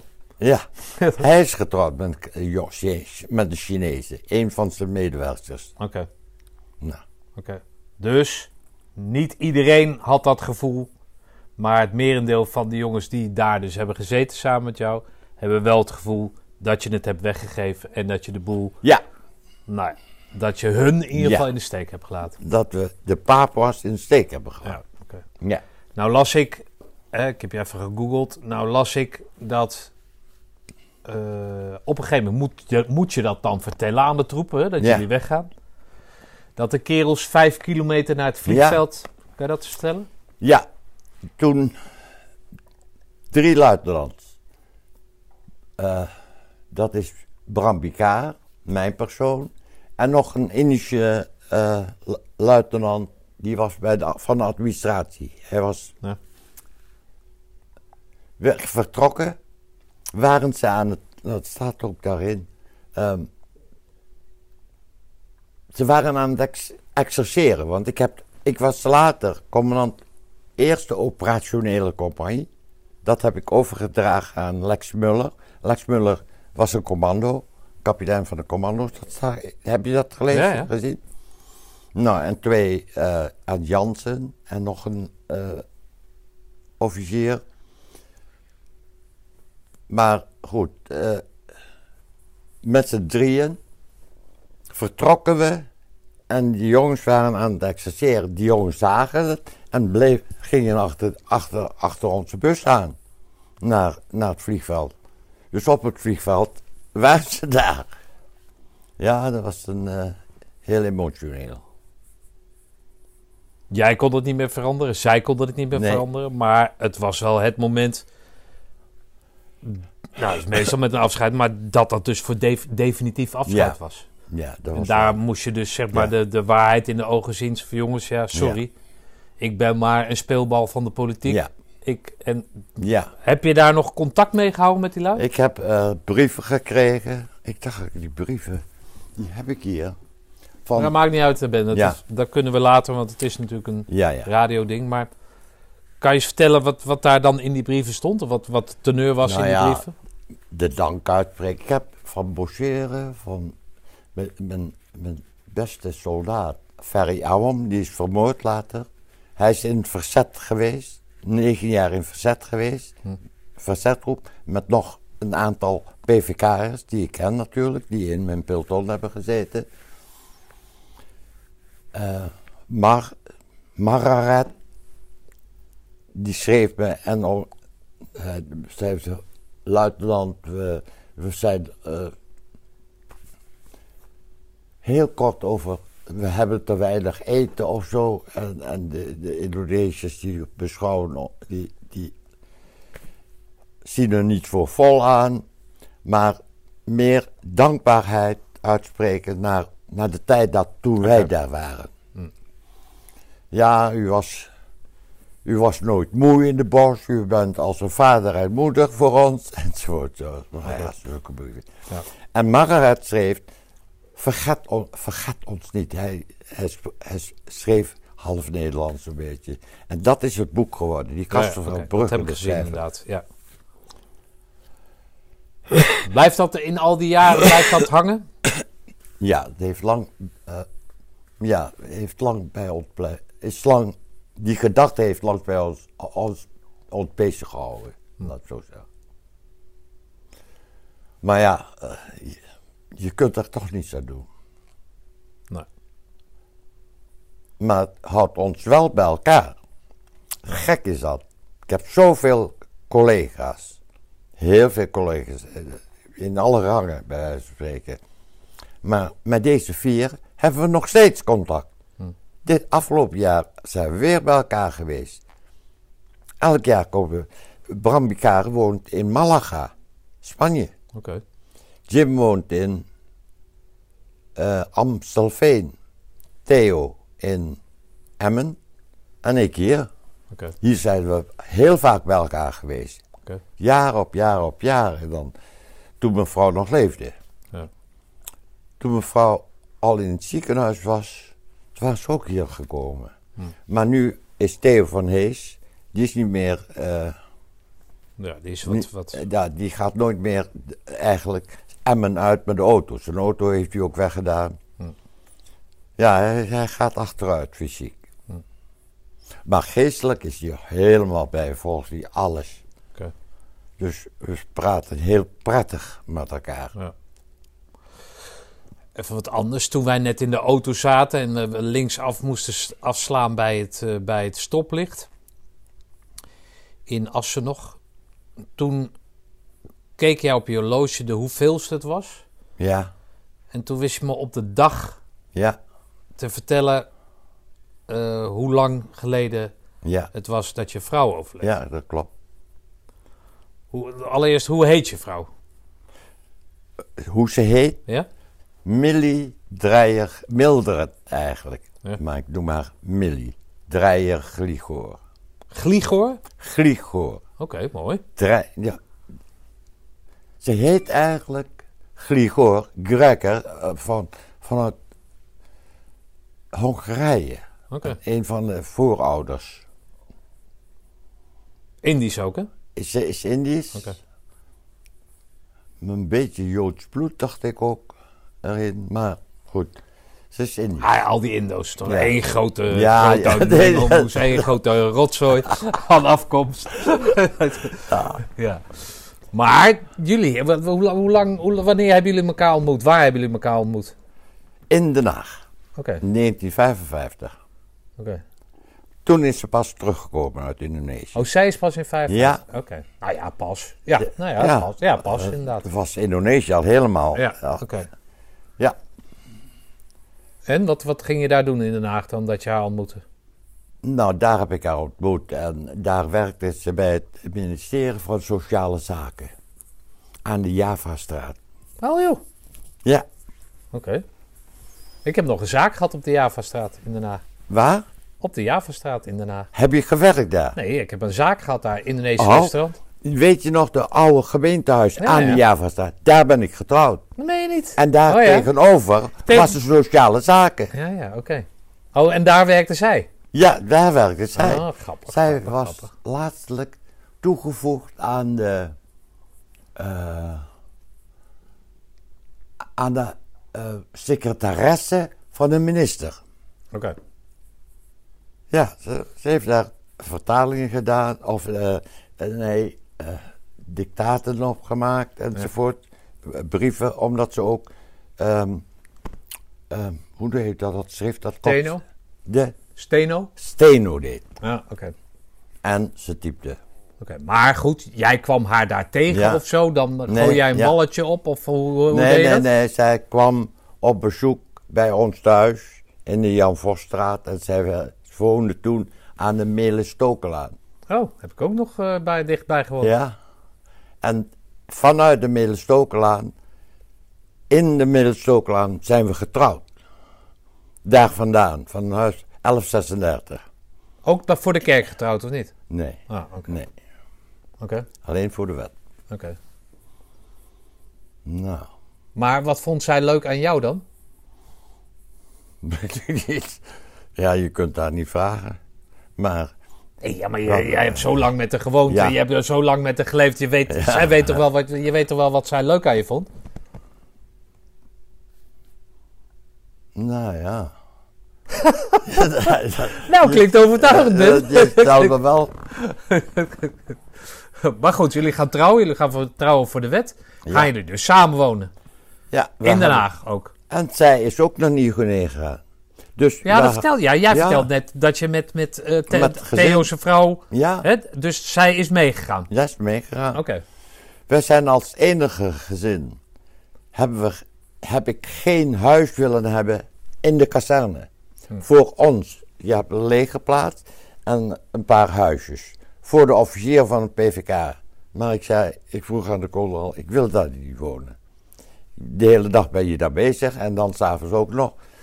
Da- we zijn aan de Reremie gaan wonen. En dat is een wijk of bungalow. zo. Is dat een wijk daar? Ja, een wijk. Ah, eh, rondom tuin. Daar hebben we in Nieuw-Guinea gewoond. Ook gelukkig gewoond. Ja. Dus zij heeft alles van nabij meegemaakt. Ja. Oké. Ja. Jouw oudste komt uit... Jullie oudste zoon... Eerste huwelijk van haar. Ja? Nou, zij was getrouwd toen ik met haar kennis maakte. Ik kon haar niet trouwen, want ze lag in scheiding. En die, haar ex-man, die ehm, eh, betaalde, eh, nee, hoe noemen ze dat? Sogong. Sogong. Alimentatie of zo? nee, nee, nee, hoe noem je dat? Sogong is... Mm, geld toeschuiven. Ja, oké. Onder de tafel of zo? Ja, ja. Ja, oké. En, en die regelde dat, haar, dat ze die scheidingspapieren elke keer onderheen kwamen. Ah, zo. Ja, ja. Dus ze was hier en ze kon niet scheiden. Hm. Maar mijn oom, dat is een man van een zuster van mijn vader, die was eh Indonesië, heeft hier rechten gestudeerd, is teruggegaan en na de, Indonesische, na de overdracht is hij weer Indonesië geworden. Hm. Hij was hoofdrechter in Jakarta in 19. eh, 55, 56, 57 was die hoofdrechter in Jakarta. Dus die schreef ik een brief, oom. Ik heb een, mei- een vrouw hier leren kennen, die is gescheiden, maar die scheidingspapieren, die, die man heeft het elke keer eh, kunnen regelen dat die scheiding niet werd uitgesproken. Kunt u daar iets aan doen? Nou, drie maanden later kreeg ik een brief, Ben, je bent, is gescheiden, je kunt gelukkig trouwen. Nou, toen zijn we getrouwd. In 58. 58, Oké. Jullie hebben in totaal hoeveel kinderen daarna gekregen naar haar oudste Drie kinderen. Drie kinderen. Allemaal jongens? Drie zonen, ja. drie zonen. Ik heb dus vier zonen, waarvan één eh, stiefzoon, maar die beschouw ik als een zoon. Ja. Die woont in, heb ik nog regelmatig contact. En hij komt waarschijnlijk ook nog hier naartoe in maart, als het, als het Kan. als het gegeven is. En hij is een geweldige monteur. Hij heeft een bedrijf, een autozaak gehad in Amerika, 18 jaar. Toen is dat over de kop gegaan vanwege de belastingen. Niet op de juiste wijze vervuld of eh, afgeste- afge- afgeda- afge- afgehandeld. Ja, niet goed afgehandeld. Hoe dan ook, hij is een geweldige monteur. En dan gaat hij bij Mercedes helemaal nakijken. Oh, jouw Mercedes. Ja, Ben heeft hier twee hele mooie oude Mercedes staan. Oh, dus het heeft een, eh, een dubbel belang dat die komt. Ja. Maar, en mijn, mijn oudste zoon, of eigen zoon, zit nu in eh, Sint Maarten. Ja. Hij is fiscaal accountant, heeft hij een zaak daar. Nou, hij redt zich redelijk. Hij is gescheiden. Zijn ex-vrouw woont hier in, eh, in een dorpje. Hij heeft eh, een zoon en een dochter. De, oud- de dochter is de oudste. Zoon werkt nu op de vliegbasis Leeuwarden. Oké. Ja, ik heb dus eh, negen kleinkinderen hier. Ja. Nee, één in eh, Tampa. Mijn oudste zoon is twee keer getrouwd met een Cubaanse. Oké. En, en die is, dit, deze dingen komen uit Cuba. Oh, oké. Ja. Ja. ja ben die heeft dus een, een sigaret Ja. in een pijpje. Dus die sigaret die steekt omhoog. En dan inhaleer je via dat pijpje. Ja. Is dat lekkerder roken dan? Ja, lekker rook, maar bovendien, ik rook zware check. Dan krijg je altijd gaatjes in je, in je overhemd. en dat is nu niet meer het geval. Dus dames en heren, als u iemand met een sigaret in een pijpje ziet, dan, Ja. rookt hij zware check. En dan heeft hij geen zin in gaatjes zijn overhemd. Maar het is wel zo inderdaad, omdat dat krum natuurlijk... Ja, Ja. oké. Oh, wat grappig joh. nou, ik, ik rook zware check, geen ja, nee, oké. Hé, hey, maar luister eens, dus, dus je, je, je, je zit onder de kinderen en onder de kleinkinderen en over, oh, Ja, achterkleinkinderen. Ja, Zijn ze een beetje lief voor je? de? Zijn ze een beetje lief voor Oh, je? geweldig. Ja? Ja, het zijn allemaal goed terechtgekomen. En, eh, ehm, de oudste, Leslie, die is dus corporaal bij de luchtmacht. Werkt in ehm? Leeuwarden. Ik heb hem getrouwd Dat meen je niet. sep- 20 september 2017. Hoe ze als buitengewoon ambtenaar van de burgerlijke stand. Buitengewoon Oh, ambtenaar burgerlijke stand van Groningen. Oh, Ja, ik was al buitengewoon am- ambtenaar van burgerlijke stand hier. ja. Maar dat was te lang geleden. Toen moest ik weer. Dan moest je een Ja, afleggen bij de rechter. Hè? ja, leuk. Ik denk dat ik de oudste buitengewoon ambtenaar burgerlijke stand ben van Groningen ooit. Hm. Ja, Ik- Jij mag het nu nog doen. ik mag het nu nog doen. Maar, ja, in principe mag iedereen het doen, toch? Ja, iedereen mag het doen, Ja. maar die moet eerst. Je moet eerst, ja, oké. Je moet eerst beëdigd worden. Ja, Ja, oké. Maar als ik ga trouwen, stel dat ik ga trouwen, ik ga niet trouwen.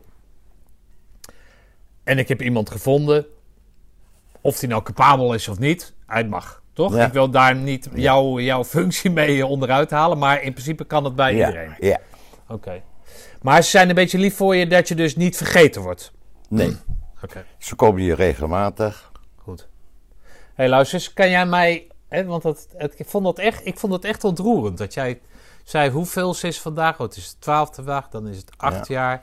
Zoveel Vijf dagen. jaar, acht maanden en eh, acht, Acht dagen. dagen. Ja. Wat, wat betekende Millie voor jou dan? Heel veel. Heel veel.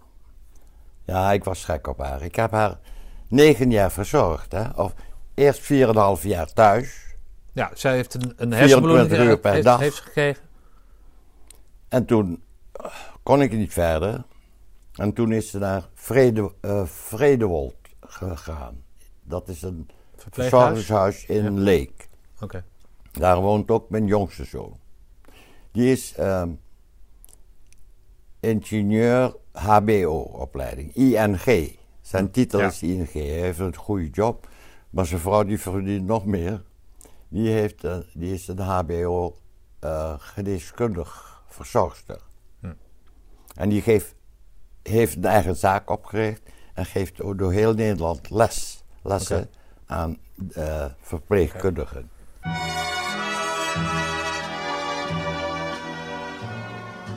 We'll meet again. Don't know where, don't know when, but I know we'll meet again some sunny day.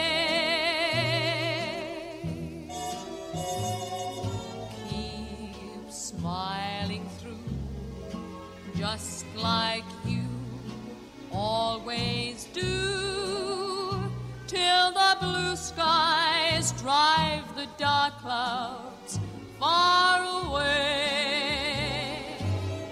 So will you please say hello to the folks that I know?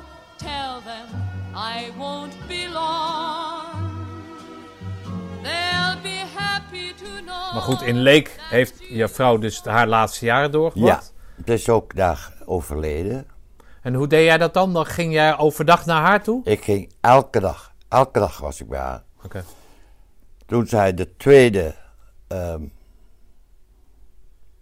hartinfarct, eh, eh, Herseninfarct? herseninfarct kreeg. Nee, geen her- Nee, eh, hersenbloeding. hersenbloeding. Hersenbloeding, ja. Toen was ik bij haar gebleven. In het ziekenhuis. Ik ben in het ziekenhuis gebleven. En toen zei ik, ja, ik moet haar hier wegkrijgen. Ik heb haar weggekregen naar Vredewold. In Vredewold was ik dag en nacht. Ik was de heel, ja, daar bleef ik gewoon. Kon je daar ook slapen dan? Nou ja, ik heb de stoelen gevraagd uit de, uit de kantine. Dat is zo'n zo'n soort stoel. Ja. Ja, groot. En, en soort kunt je liggen. tv-stoel, hè? Zo'n, Ik, ja. Dus daar lag ze dan. Het liepen we zo. Hmm. Met mijn hand hield ik haar linkerhand vast, ja. Hmm. Ja, een hele week. Aanvankelijk dacht ik dat ze daar eh zondevoeding zou kunnen krijgen. Dat heb ik al geregeld gevraagd. Ja, dat kunnen we, mogen we doen, zei, de, zei het personeel. Maar de dokter moet eerst dat toestemming geven. De dokter kwam op de, op de dag dat ze daar was. Maar heel laat. En hij ga- gaf geen toestemming. Dus daar heb ik nog een hele tijd, twee uur gesproken. En toen zei hij, ik kan, meneer Holt, het is het beste dat, geen, dat u dat niet doet. Maar ik krijg er ook geen toestemming voor. Nou ja, het was toch al te laat. Ik heb dat geaccepteerd. Maandag was ze daar en vrijdag is ze overleden. Al die tijd geen, alleen eh, pijnstillers eigenlijk. Dus, Buiten die dokter zei dat het Buiten eigenlijk- bewustzijn. oké, dat het eigenlijk geen zin meer had Nee, om het, om het leven te rekken. ja. Kon je daarmee verenigen? Moeilijk. Ik eh, had haar desnoods als in de rolstoel leven willen hebben. Maar ja, dat kon niet. En achteraf natuurlijk heeft die dokter gelijk. Want op enig moment moet je alsnog beslissen om Ja, de stekker uit ja. te trekken. Ja. Maar ze heeft heel veel voor mij betekend. Haar kaars, dagelijks Kijk uit, kijk uit, kijk uit. Je, je Oh, God, microfoon, ja, ja. ja. Ja, daar, daar is altijd een kaars. Ja. Als ik hier ben, vaak alleen, dan brand ik de kaars. Ja, dat is lang geleden. Maar de, de tijd gaat zo snel. Maar Hoe lang zijn jullie bij elkaar geweest? 56 jaar. Dat is lang, hè, Ben? Ja, Hè? dat is een. Godsamme. Ja. Ja. Haar foto staat als enige op haar graf, hè. In één. ehm, was het zo, toen ik in de gemeenteraad zat, toen vond ik die graven gek. En te dicht bij elkaar, maar bovendien moest allemaal grijs zijn. Ik zei, nou, daar heb ik tegen, eh, tegen aangeschokt. Ik zei, Dat, is, dat moeten de mensen zelf weten. En je moet Oh, dat het was graf... een voorschrift. En het, ja, Oh, het aan het graf ja. moet je, moet je moet ook de, de tijd aangegeven worden. Dus daar was ik mee bezig. Toen overleed mijn schoonmoeder in die kamer. Toen zei ik tegen mijn vrouw, kom aan steen. Ik zei, wat voor steen heb je gekocht? Een mooie bruine. Dat is eigenlijk verboden, maar plaats hem maar. Dan krijg ik wel in de raad de, eh, de discussie daarover. Steen werd geplaatst. En er kwam geen discussie. De directeur gemeentewerken dorst dat niet aan. Oké. Omdat jij gemeenteraadslid was. Ja, Oké. dus vanaf dat moment mocht alles. Ik, straks rijden we even langs het graf. Ja, is goed. Die, die, bes- die bezoek nog steeds regelmatig. Ik ben bezig om nu droogbloemen klaar te maken. In de, er zitten altijd bloemen op het graf. En als ik overlijd, is daar een, een, eh, een as. Mijn as wo- wordt daar ook neergelegd. Komt mijn naam op en dan. Droogbloem maak ik klaar. In de winter komen er droogbloemen, planten weg, droogbloemen. In het voorjaar gaan droogbloemen weg, komen er planten. Hey, eh, Ben, vertel mij eens eh, hoe. hoe ehm, ik neem aan dat jij door jouw werk Ja, vaak bent weg geweest. ja. Zowel als militair, Ja. Ja, maar ik heb het even over het, Ja. het militaire leven. Dat je vaak bent weg geweest. Ja. Nou, vertel me wel dat, je, dat ze in uw Guinea mee is geweest. Ja. Hè? Dus dat, dat, dat, nou, dat, is, dat is mooi daar in ieder heb geval. ik ook drie keer, drie keer in actie geweest. Drie keer maanden, twee, één tot anderhalf maand weg geweest. Ja, oké, maar het, is niet zo dat ze het van brieven moet hebben uit, weet ik veel, Indonesië. En Nee. dat jij in Nederland Nee, zit. nee, nee, nee, Zoiets. nee. Dat, is het, dat is het dus gelukkig niet geweest. Hoe doe je dat nou als je dan in één keer alleen komt te staan? Nou, ja, eigenlijk is er een overgang geweest. Want ik heb haar hier verzorgd. Dag en nacht. Haar, ver- haar gewassen, haar gekleed. Zo is een ontstolsoes. Ze is rechts eh, verlamd geraakt. Kan Ja, oké, jij zegt dat dat langzaam wordt. Ja. Dat, dat afscheid, dat komt steeds ja, dichterbij. ja, ja. En, ik en heb dan is er een soort ik- overgangsfase. Oké. In die vier jaar heb ik gekookt, ook als er bezoekers kwamen. Hm.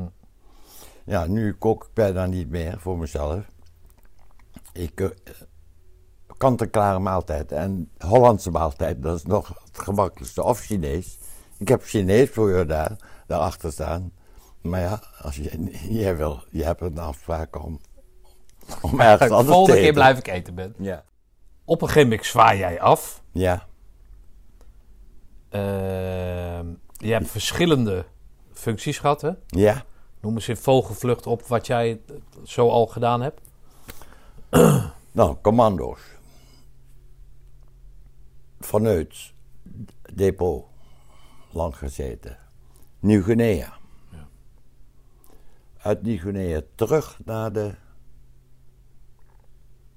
Naar de commando's. Oké. In Roosendaal een huis gebouwd. Bungalow. Maar, en toen werd ik in Duitsland geplaatst. Vier jaar Duitsland. Ik wilde een paard hebben, dus heb ik dit gekocht. Ja. Maar ik werd toch in, in Roosendaal weer geplaatst, voor de derde keer. Oké. Wat ging je daar doen? Toen was ik commandant instructiecompagnie. Dus ik heb in Roosendaal eh, eerst pelotonscommandant van een van de 100 in de 105e commandocompagnie. Herhaaldelijk, twee keer op herhaling geweest. De tweede keer dat ik terugkwam, was ik eh, commandant ECO. ECO en gevechtscursussen. KMA, KMS en officieren. Ik was uh, de. Ik heb één gevechtscursus officier gehad. Ja, één of twee, weet ik niet. Maar het waren oudere officieren. Ik was tweede luitenant. Maar ik was ouder in commando. Ja, oké. Oh, nou, dat is grappig. Dan zei ik dus, eh, heren, in de kazerne wordt er verplaatst in de looppas. Nou, en ja, dat zijn oudere officieren, kapiteins, majoors. Dan keek ik weer, dan li- liepen ze gewoon. Heren, wat heb ik gezegd? Looppas verblazen. Heer, nu looppassen. Dat ging ze poem. Zo ziek natuurlijk. Was het een mooie tijd, eh, Ja, was... eh, commandant ECO? Ah ja, ja.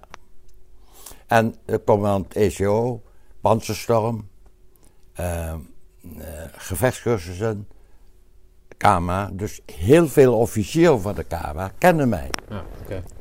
Ook die- later passeerden ze mij in de rang natuurlijk, tot, tot Ja, oké. generaal. Wat voor, een, wat voor een type commandant was jij van die ECO? Wat bedoel je daar precies mee? Nou, waar stond jij voor? En Waar stond jij voor? ik stond voor mijn zaak. Ik moet daar commando's van maken. En hoe deed je dat? streng maar rechtvaardig. En ik had ook wel begrip, of liever gezegd, ik vond het niet leuk als de onderofficieren daarna, naast die commandoopleiding, hun nog extra pakten. En dat deden ze af en toe, en enkele keer is dat hun gelukt. Dan, dan gingen ze plotseling in de nacht met die, met die ECO's, met die cursussen, een mars maken. Ja, dat vond ik natuurlijk niet goed. Ja, Dus En als dat om de syllabus heen een Ja. eigen programma ja draaien. het eigen programma draaien. Ja. Waardoor, zeg maar, de uitval ongewild groter werd. Ongetwijfeld. Nou, Maar als je nou, die kerels ja. extra belast, meer Ja. belast dan het programma eh, eh, aangeeft. Nou, nee, nee, nee. nee. Nee? Zover komt het niet. Ah, oké. Zover kregen ze de kans niet. Want ik zat daar bovenop. Hm. En, eh, hoe heet die? Jaap Constance zat daar ook helemaal bovenop. Die was altijd aanwezig. Oké. Met de avondoefening, dan zag ik hem. Dan, ik wilde al nooit in een jeep hebben. Ik heb daarom een cursus gehad, motor. Dus ik had altijd de motor. Wisten, als ze de motor hoort. Oh, daar komt de, major, de major is in het, in het veld. nou, dan stopte ik de motor in de bush en dan liep ik. En dan, hier, dan lopen ze langs mij, maar dat wisten ze niet. En dan hoor ik ze praten. En even later ontmoet ik dan Jaap Constance, die is ook in het, in het veld. Ja, oké, Nou, dat- ah, Noem eens een paar kerels waarmee jij dan, zeg maar, waar jij leiding aan gaf aan, eh, als, eh, als kader. Bruinogen. Ah, dat is een goede vent. Hij, eh, ja, Bruinogen. Korea mannen. Nou ja, er zoveel. De Hollandse rode, de Indische rode. ja, ja, de. eh, ja. eh Siem Boons. Ja. Dek- Derksen. Derksen, die is overleden. Ja. Ja, ja, ook op altijd mooie praatjes. Hij houdt daarvan om zijn stem te horen. Ook. Lang. De Brouwer. Ja, wie nog meer? Nou, heel veel. Schepers. Brouwer, Schepers. Jelle Schepers. Jelle Scheper, ja. Ja. Die is ook al, nee, is hij een officier geworden? Ja, hij is kapitein. Ja, ja klopt. Veel, veel van mijn, eh, van mijn on- onderofficieren zijn vakofficier geworden. Hm. Simons ook. Ja. Nog meer hoor. Ja, heel veel. Hoe, lang, hoe lang heb je dat, eh, hoeveel tentenkampen heb je gedraaid bij benadering? Oh. Wacht, ik, ik moet even Ja, ja. stoppen. Dan haal ik mijn commando. eh, Mijn commando ehm, Is goed. even stoppen.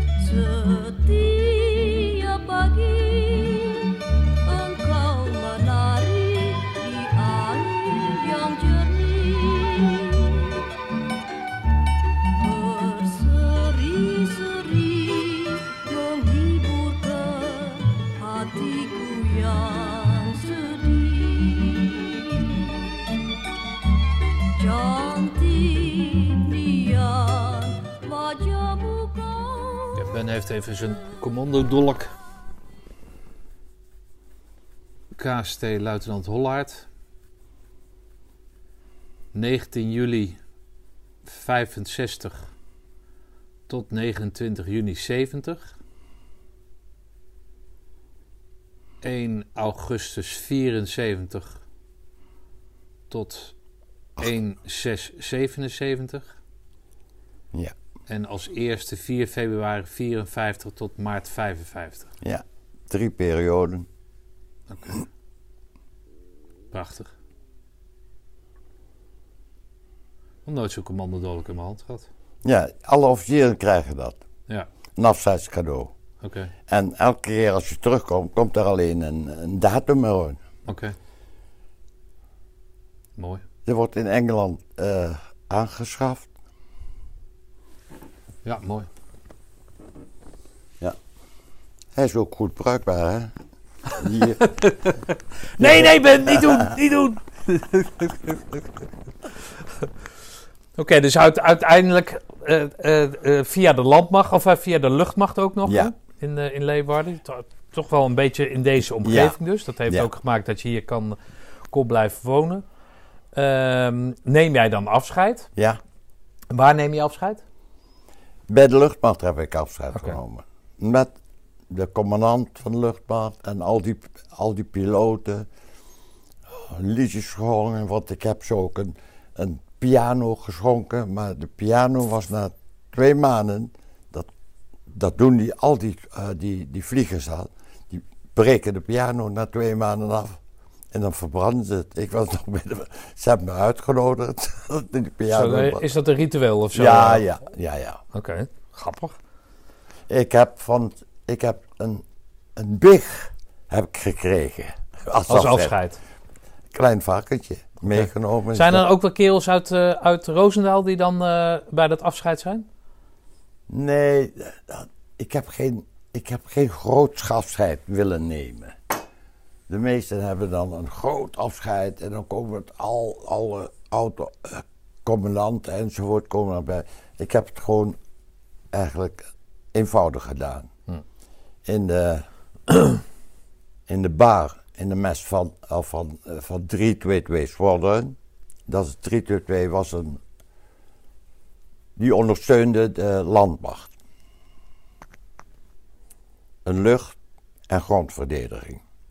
En mijn taak was het om die piloten te vertellen wat ze, op welke wijze zij dan, wat ze moeten pakken bij de landmacht. Zo heb ik ook gedaan gekregen dat ik, er heb dat ik kon vliegen. Elke ochtend was er een, eh, was er een, briefing.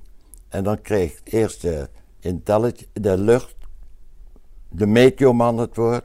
Dan kreeg de ehm, man van de luchtmachtveiligheid, of ja, veiligheidsofficier van de luchtmacht het woord. En dan krijg ik het woord. Mag ik het woord voeren. Daar heb ik in, in korte tijd heel veel dingen opgezet. Televisie, eh epidemioscoop. Nou, hoe dan ook, ik vertelde het verhaal hoe zij de landmacht kunnen steunen bij een aanval van de landmacht. Dan moet je niet elke tank afschakelen, maar de, maar de commandant die, die altijd ver achter ligt. Ja, zeiden, ze, zeiden die piloten, ja, hoe moeten we dat ook zien? We kunnen dat niet, zien in die, in die, in snelheid. Ik zei, ja, dat zeggen jullie. Dat weet ik niet. Weet je nog? Nee, nee, nee, ik, heb, ik Ja. zat even naar mijn stokkie. Ja. Ik heb... ja, Nee, nee, nee. Nou, nee. Nee, en daar heb je koekjes hoor. ja, weet ik, ben, ben. Pak wat je, wat je ziet, mag je pakken. Maar goed, dat is dus de laatste functie die je hebt, hebt Ja. eh, gedaan. En toen zei ze, oh, hij wil meevliegen. Ja, natuurlijk wil ik meevliegen. Nou, toen hadden die piloten gelijk geregeld. En binnen twee maanden vloog ik mee. Met eh, Hans de Jong, Blondie, zijn tactical. Ze hebben allemaal een tactical call name. Ze noemen zich dus, ze spreken elkaar aan met een tactical call name. Ook juist in de lucht. Ja. Hij is nog commodore geworden. Hans de Jong. Dat is generaal bij de luchtmacht. Ja, Ah, Oké. Oké. Maar goed, dan neem jij dus afscheid. ja, Dan ben je dus 55. ja. Eh, Ik zat al in de gemeenteraad. ja. Jij zat al in de gemeenteraad Mijn- van de gemeente Norg. De gemeente, En dan word jij op een gegeven moment voor de VVD... ja. word jij eh, wethouder, heb je me verteld. Ja, maar ik was natuurlijk al gemeenteraad. Ja, nou ja, goed, oké. maar dan wil nog niet zeggen dat je ja, wethouder in wordt. 1990, na de eh, verkiezingen in 90, hadden we drie, drie eh, raadzetels. De, de PvdA had ook drie raadzetels, maar die had meer stemmen. Maar bij de vergadering van, om, om, om, om de college te vormen, spraken de meeste eh, partijen zich uit dat ze met mij wilden praten. Nou, daar was, was ik gelukkig mee. Ik heb toen gezegd, Partij van de Arbeid, geef mij nu de gelegenheid om, om te praten. Of we een college kunnen vormen. Want je moet zeven raadzetels hebben om een college te vormen. We hadden drie, de CDA had twee en D66 PPR. Oei, een tijd Ja, ja. Nee, ja, PPR, dus dat is Ja. een beetje links. Maar ik was de oudste en de grootste partij, dus ik was voorzitter. En we hebben, ik heb het heel voorzichtig moeten, moeten doen. Eerst de verschilpunten, dan de, nou ja, heel veel vergaderingen. Uiteindelijk kwamen we aan Oké, we gaan met elkaar samen. Wie levert er wethouders? Ze wilden allemaal een wethouder leveren. En we hadden maar twee plaatsen voor wethouder. Mijn partij zei: Ben, jij moet wethouder worden. Ja, eh, oké. Dus ik gaf hem ook op. D66 wil eh, PPR. PPR, de, GroenLinks. Dat was het. Ja, PPR is overgaan in GroenLinks, toch? Ja. Ja, oké. Die levert ook een wethouder en CDA ook. Nou, dus het platste. Ik heb gelijk dezelfde avond de eh, partijraad, of liever gezegd de- het bestuur van de VVD bij elkaar geroepen. Aan de, nog, aan de Inhuis ter Heide, bij die boer, waar ik u Ja. vertelde. Dan zei ik, jongens, jullie moeten mij, want eh, we hadden afgesproken, de partij die geen wethouder levert, mag toch het college blijven volgen. Geef mij de kans. Ik trek me terug als wethouder, maar ik kan, ik heb erg veel tijd, want ik ben al met pensioen met FLO, en ik kan alle vergaderingen bijwonen, alle, college, alle collegevergaderingen. Nou, te stemmen. Dus gestemd en ik kreeg de meerderheid. Oké. Oké. Ik belde toen gelijk van daaruit Piet de Jong op, die was van CDA. Die zou wethouder van de PvdA worden. Piet, jij mag wethouder worden. Ik trek me terug. Doodse stilte. Eh, ja, Ben. Ah, eigenlijk kan het niet zo goed wel voor mijn werk, want hij werkt bij de gasunie. Ja. Ja, ja, ja. ja. Nou word jij maar eh, wethouder. Nou ja, heb je gehoord? Wethouder. Dus ik belde gelijk de burgemeester. Die was, was toen in een feest in, in, aan de Johan Wille, in de Johan Wille Friesokazerne. Het was een feest. Ik zou daar ook komen. Maar, maar ik kon niet vanwege die besprekingen.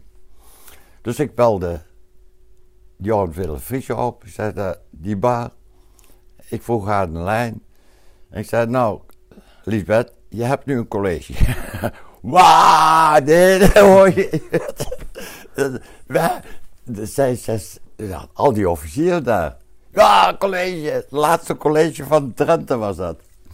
Oké, mooi. Ik hoorde gejoel daar. Dat ben jij... Hoeveel, hoe lang ben je dat geweest? Wethouder? Twee termijnen, dus acht jaar. Acht jaar, oké. Wat jij in de auto zei, en dat vond ik een mooie, is dat als militair eh, Verdedig ik het land. verdedig je democratie en vrijheid. En desnoods geef ik mijn leven op daarvoor. Ja. En nu beleef ik de democratie en vrijheid in de praktijk. Ja. dat is het mooiste wat er is. Ja. En juist bij de gemeenteraad, waarbij je het dichtste bij de bevolking zit, Ja. direct met de bevolking spreekt. Ja. Ja, we reden hè, de richting jouw huis Ja. reden we la- langs een aantal plekken. Bijvoorbeeld een kippenboer. Ja. Hè, en dan vertel je hoe je die Ja. kippenboer hebt geholpen. Eh, eh, die stierenjongen, hoe je die Ja, eh, eh, geholpen hebt. Dus dat bedoel jij met dat je ook daadwerkelijk heel dicht bij, de, bij, de, bij de bevolking staat. En daar dan ook daadwerkelijk wat heb, voor kan doen. ik was dus altijd, dreef mij de vrijheidsgedachte en vrijheidsbelevingsgedachte. Dit, de de boerderij ook, dat is voor mij erg veel. Omdat dat, mijn belevingsvrijheid hier is optimaal. Ja. Maar dat gun ik ook een ander. Ja. Vooral die boeren. Die ook voor hun werk voor elkaar moeten staan. Dus zij moeten binnen wettelijke regels werken. Maar ik koos altijd voor het voordeel van de twijfel. Als er twijfel bestaat. En Ja. gun ik ze de, een grote boerderij. Een, meer koeien. Ja. Dus Wanneer ben jij daarmee gestopt met die, eh, met die politiek? mijn laatste raadsvergadering was december 1957. 97. 97. Dus ook alweer eh 97. dus ook alweer 25 jaar terug. Ja, ja. Oké, hoe vul jij sindsdien je tijd dan? Nou. Je vrouw is toen- acht jaar geleden overleden. ja, ja. Ja, Ik had toen erg veel schapen. Oh, je hebt ook Met- nog een schaap. Ieder- ik had paarden, ik had koeien en ik had schapen. Daarom, eh, Ja om, eh, ja, om jullie even een beeld te, te schetsen. We zitten hier tussen de bomen. Eh, ben had in eerste instantie, toen je het kocht, toen de tijd, had je 7 Paarden. hectare, 7 Ja. hectare grond. Hè? ja, Dus dat zijn, eh, ik moet het altijd even plat drie staan. hectare, zo ongeveer. Maar ja, dat zijn 14 voetbalvelden, hè? Ja. 7 hectare. Dat heb je teruggebracht naar eh, naar eh 4,5 hectare. 4,5 hectare. Je bent voor alle, voor alle duidelijkheid, ben je 87 hè? 88. 88, sorry, ja, je ziet eruit als 87. Maar eh, dit onderhoud jij allemaal zelf. Hè? Jij liet me net een dak zien wat Ja. helemaal schoon is. Dat heb jij helemaal Ja. op je 87ste. Gisteren. Met een, eh, nou niet, gelukkig niet met een laddertje, maar met een, Ja. eh, hoe noem je het zo'n ding? Eh, een, En, stelling. Een stelling. heb je dat schoongemaakt? Als ik hier naar buiten kijk, dan is het een en al weiland, bossen, bomen. Ik weet het allemaal niet. Jij hebt dan één keer in de twee weken heb jij een pauze van een week. Ja, Hè, waarna je naar je, dan, naar je latrelatie gaat. En voor de rest breng jij hier je tijd door. ja, Ben jij gelukkig hier? ja. Ik voel me zalig als ik binnenkom. Hm. Dan voel ik ook nog de vrijheid. Ja, Dan brandt de kaars gelijk. ja kaars van eh Millie. En dan ga ik dat, eh, naar het eh, graf. Hé, hey, het is bijna vier uur. We, Ja, moeten, we moeten zo weg inderdaad. we kunnen nog Geef even- mij nog even, nog even één ding. Wat heeft die groene beret voor jouw leven betekend? Nou, toen ik de groene baard haalde, toen zei ik, ik kan alles in het leven. Zo dat gevoel kreeg ik. Hm. En dat is nou eigenlijk nog steeds hetzelfde. Oké. Ik probeer altijd oplossing te vinden. Voor elk probleem. En dat is tot nu toe redelijk goed gelukt. Eigenlijk al mijn plannen in, in de gemeente zijn uitgevoerd. Op één ding na. Namelijk... Die, Ja, dat vertelde je, eh, ja. Ja, maar dat lag aan die, aan die Ja, partijgenoot van je, toch? Die ervoor ging liggen. ja. Als, hij, als we de commissie ruimtelijke ordening, dat zit ik voor, dan belde hij me tevoren. Ben, wat moet ik vragen? Dan zei ik hem wat hij vragen moet. Ja, zo zijn. Ja, ja, oké.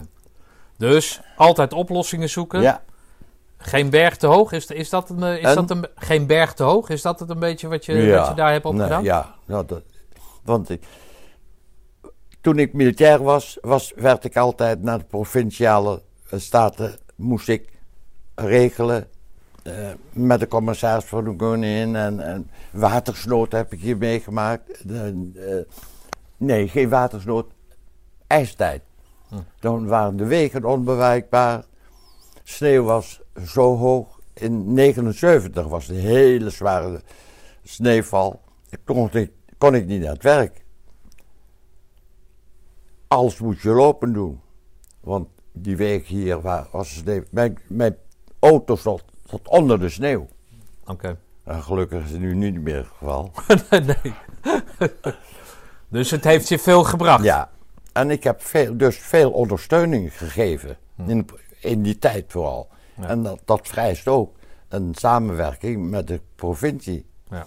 Als, en dus, dus het, hetgeen wat je met die baret als basis Ja, hebt opgebouwd, heb je daarna kunnen voortzetten in die politiek. ja, Eh, dus je hebt een, eh, mag ik zeggen dat je een, een goed, goed Eh, gevoel heb goed van gevoel mijn leven. van je leven hebt, ondanks Ja. dat het nog niet Ja. afgelopen is. Maar mag ik het daarmee, mag ik daarmee besluiten? Ja. Goed gevoel van het huwelijk, maar ook, ook goed gevoel van mijn werkzame leven. Ja, oké. Nou, we gaan even naar het eh, graf van Millie. Ja, En dan hebben wij afgesproken dat, we, dat ik een, een volgende keer terugkom. ja, En dat jij mij het verhaal gaat doen van, Ja, eh, van jouw vriend eh, Raymond West. ja. Nou, dankjewel Ben. Dank voor de gastvrijheid. En ik zie je volgende keer. Graag gedaan, Stefan. En ik zie je weer bij de volgende. En dan eh, wil ik wel wat eten. Nou, dat was hem dan weer. Ben, wat een leven, wat een mooi verhaal. Het ontroert me hoe jij over jouw Millie praat en ik bewonder je levenshouding. Hou je rug recht en we zien elkaar op de reunie. Dag Ben.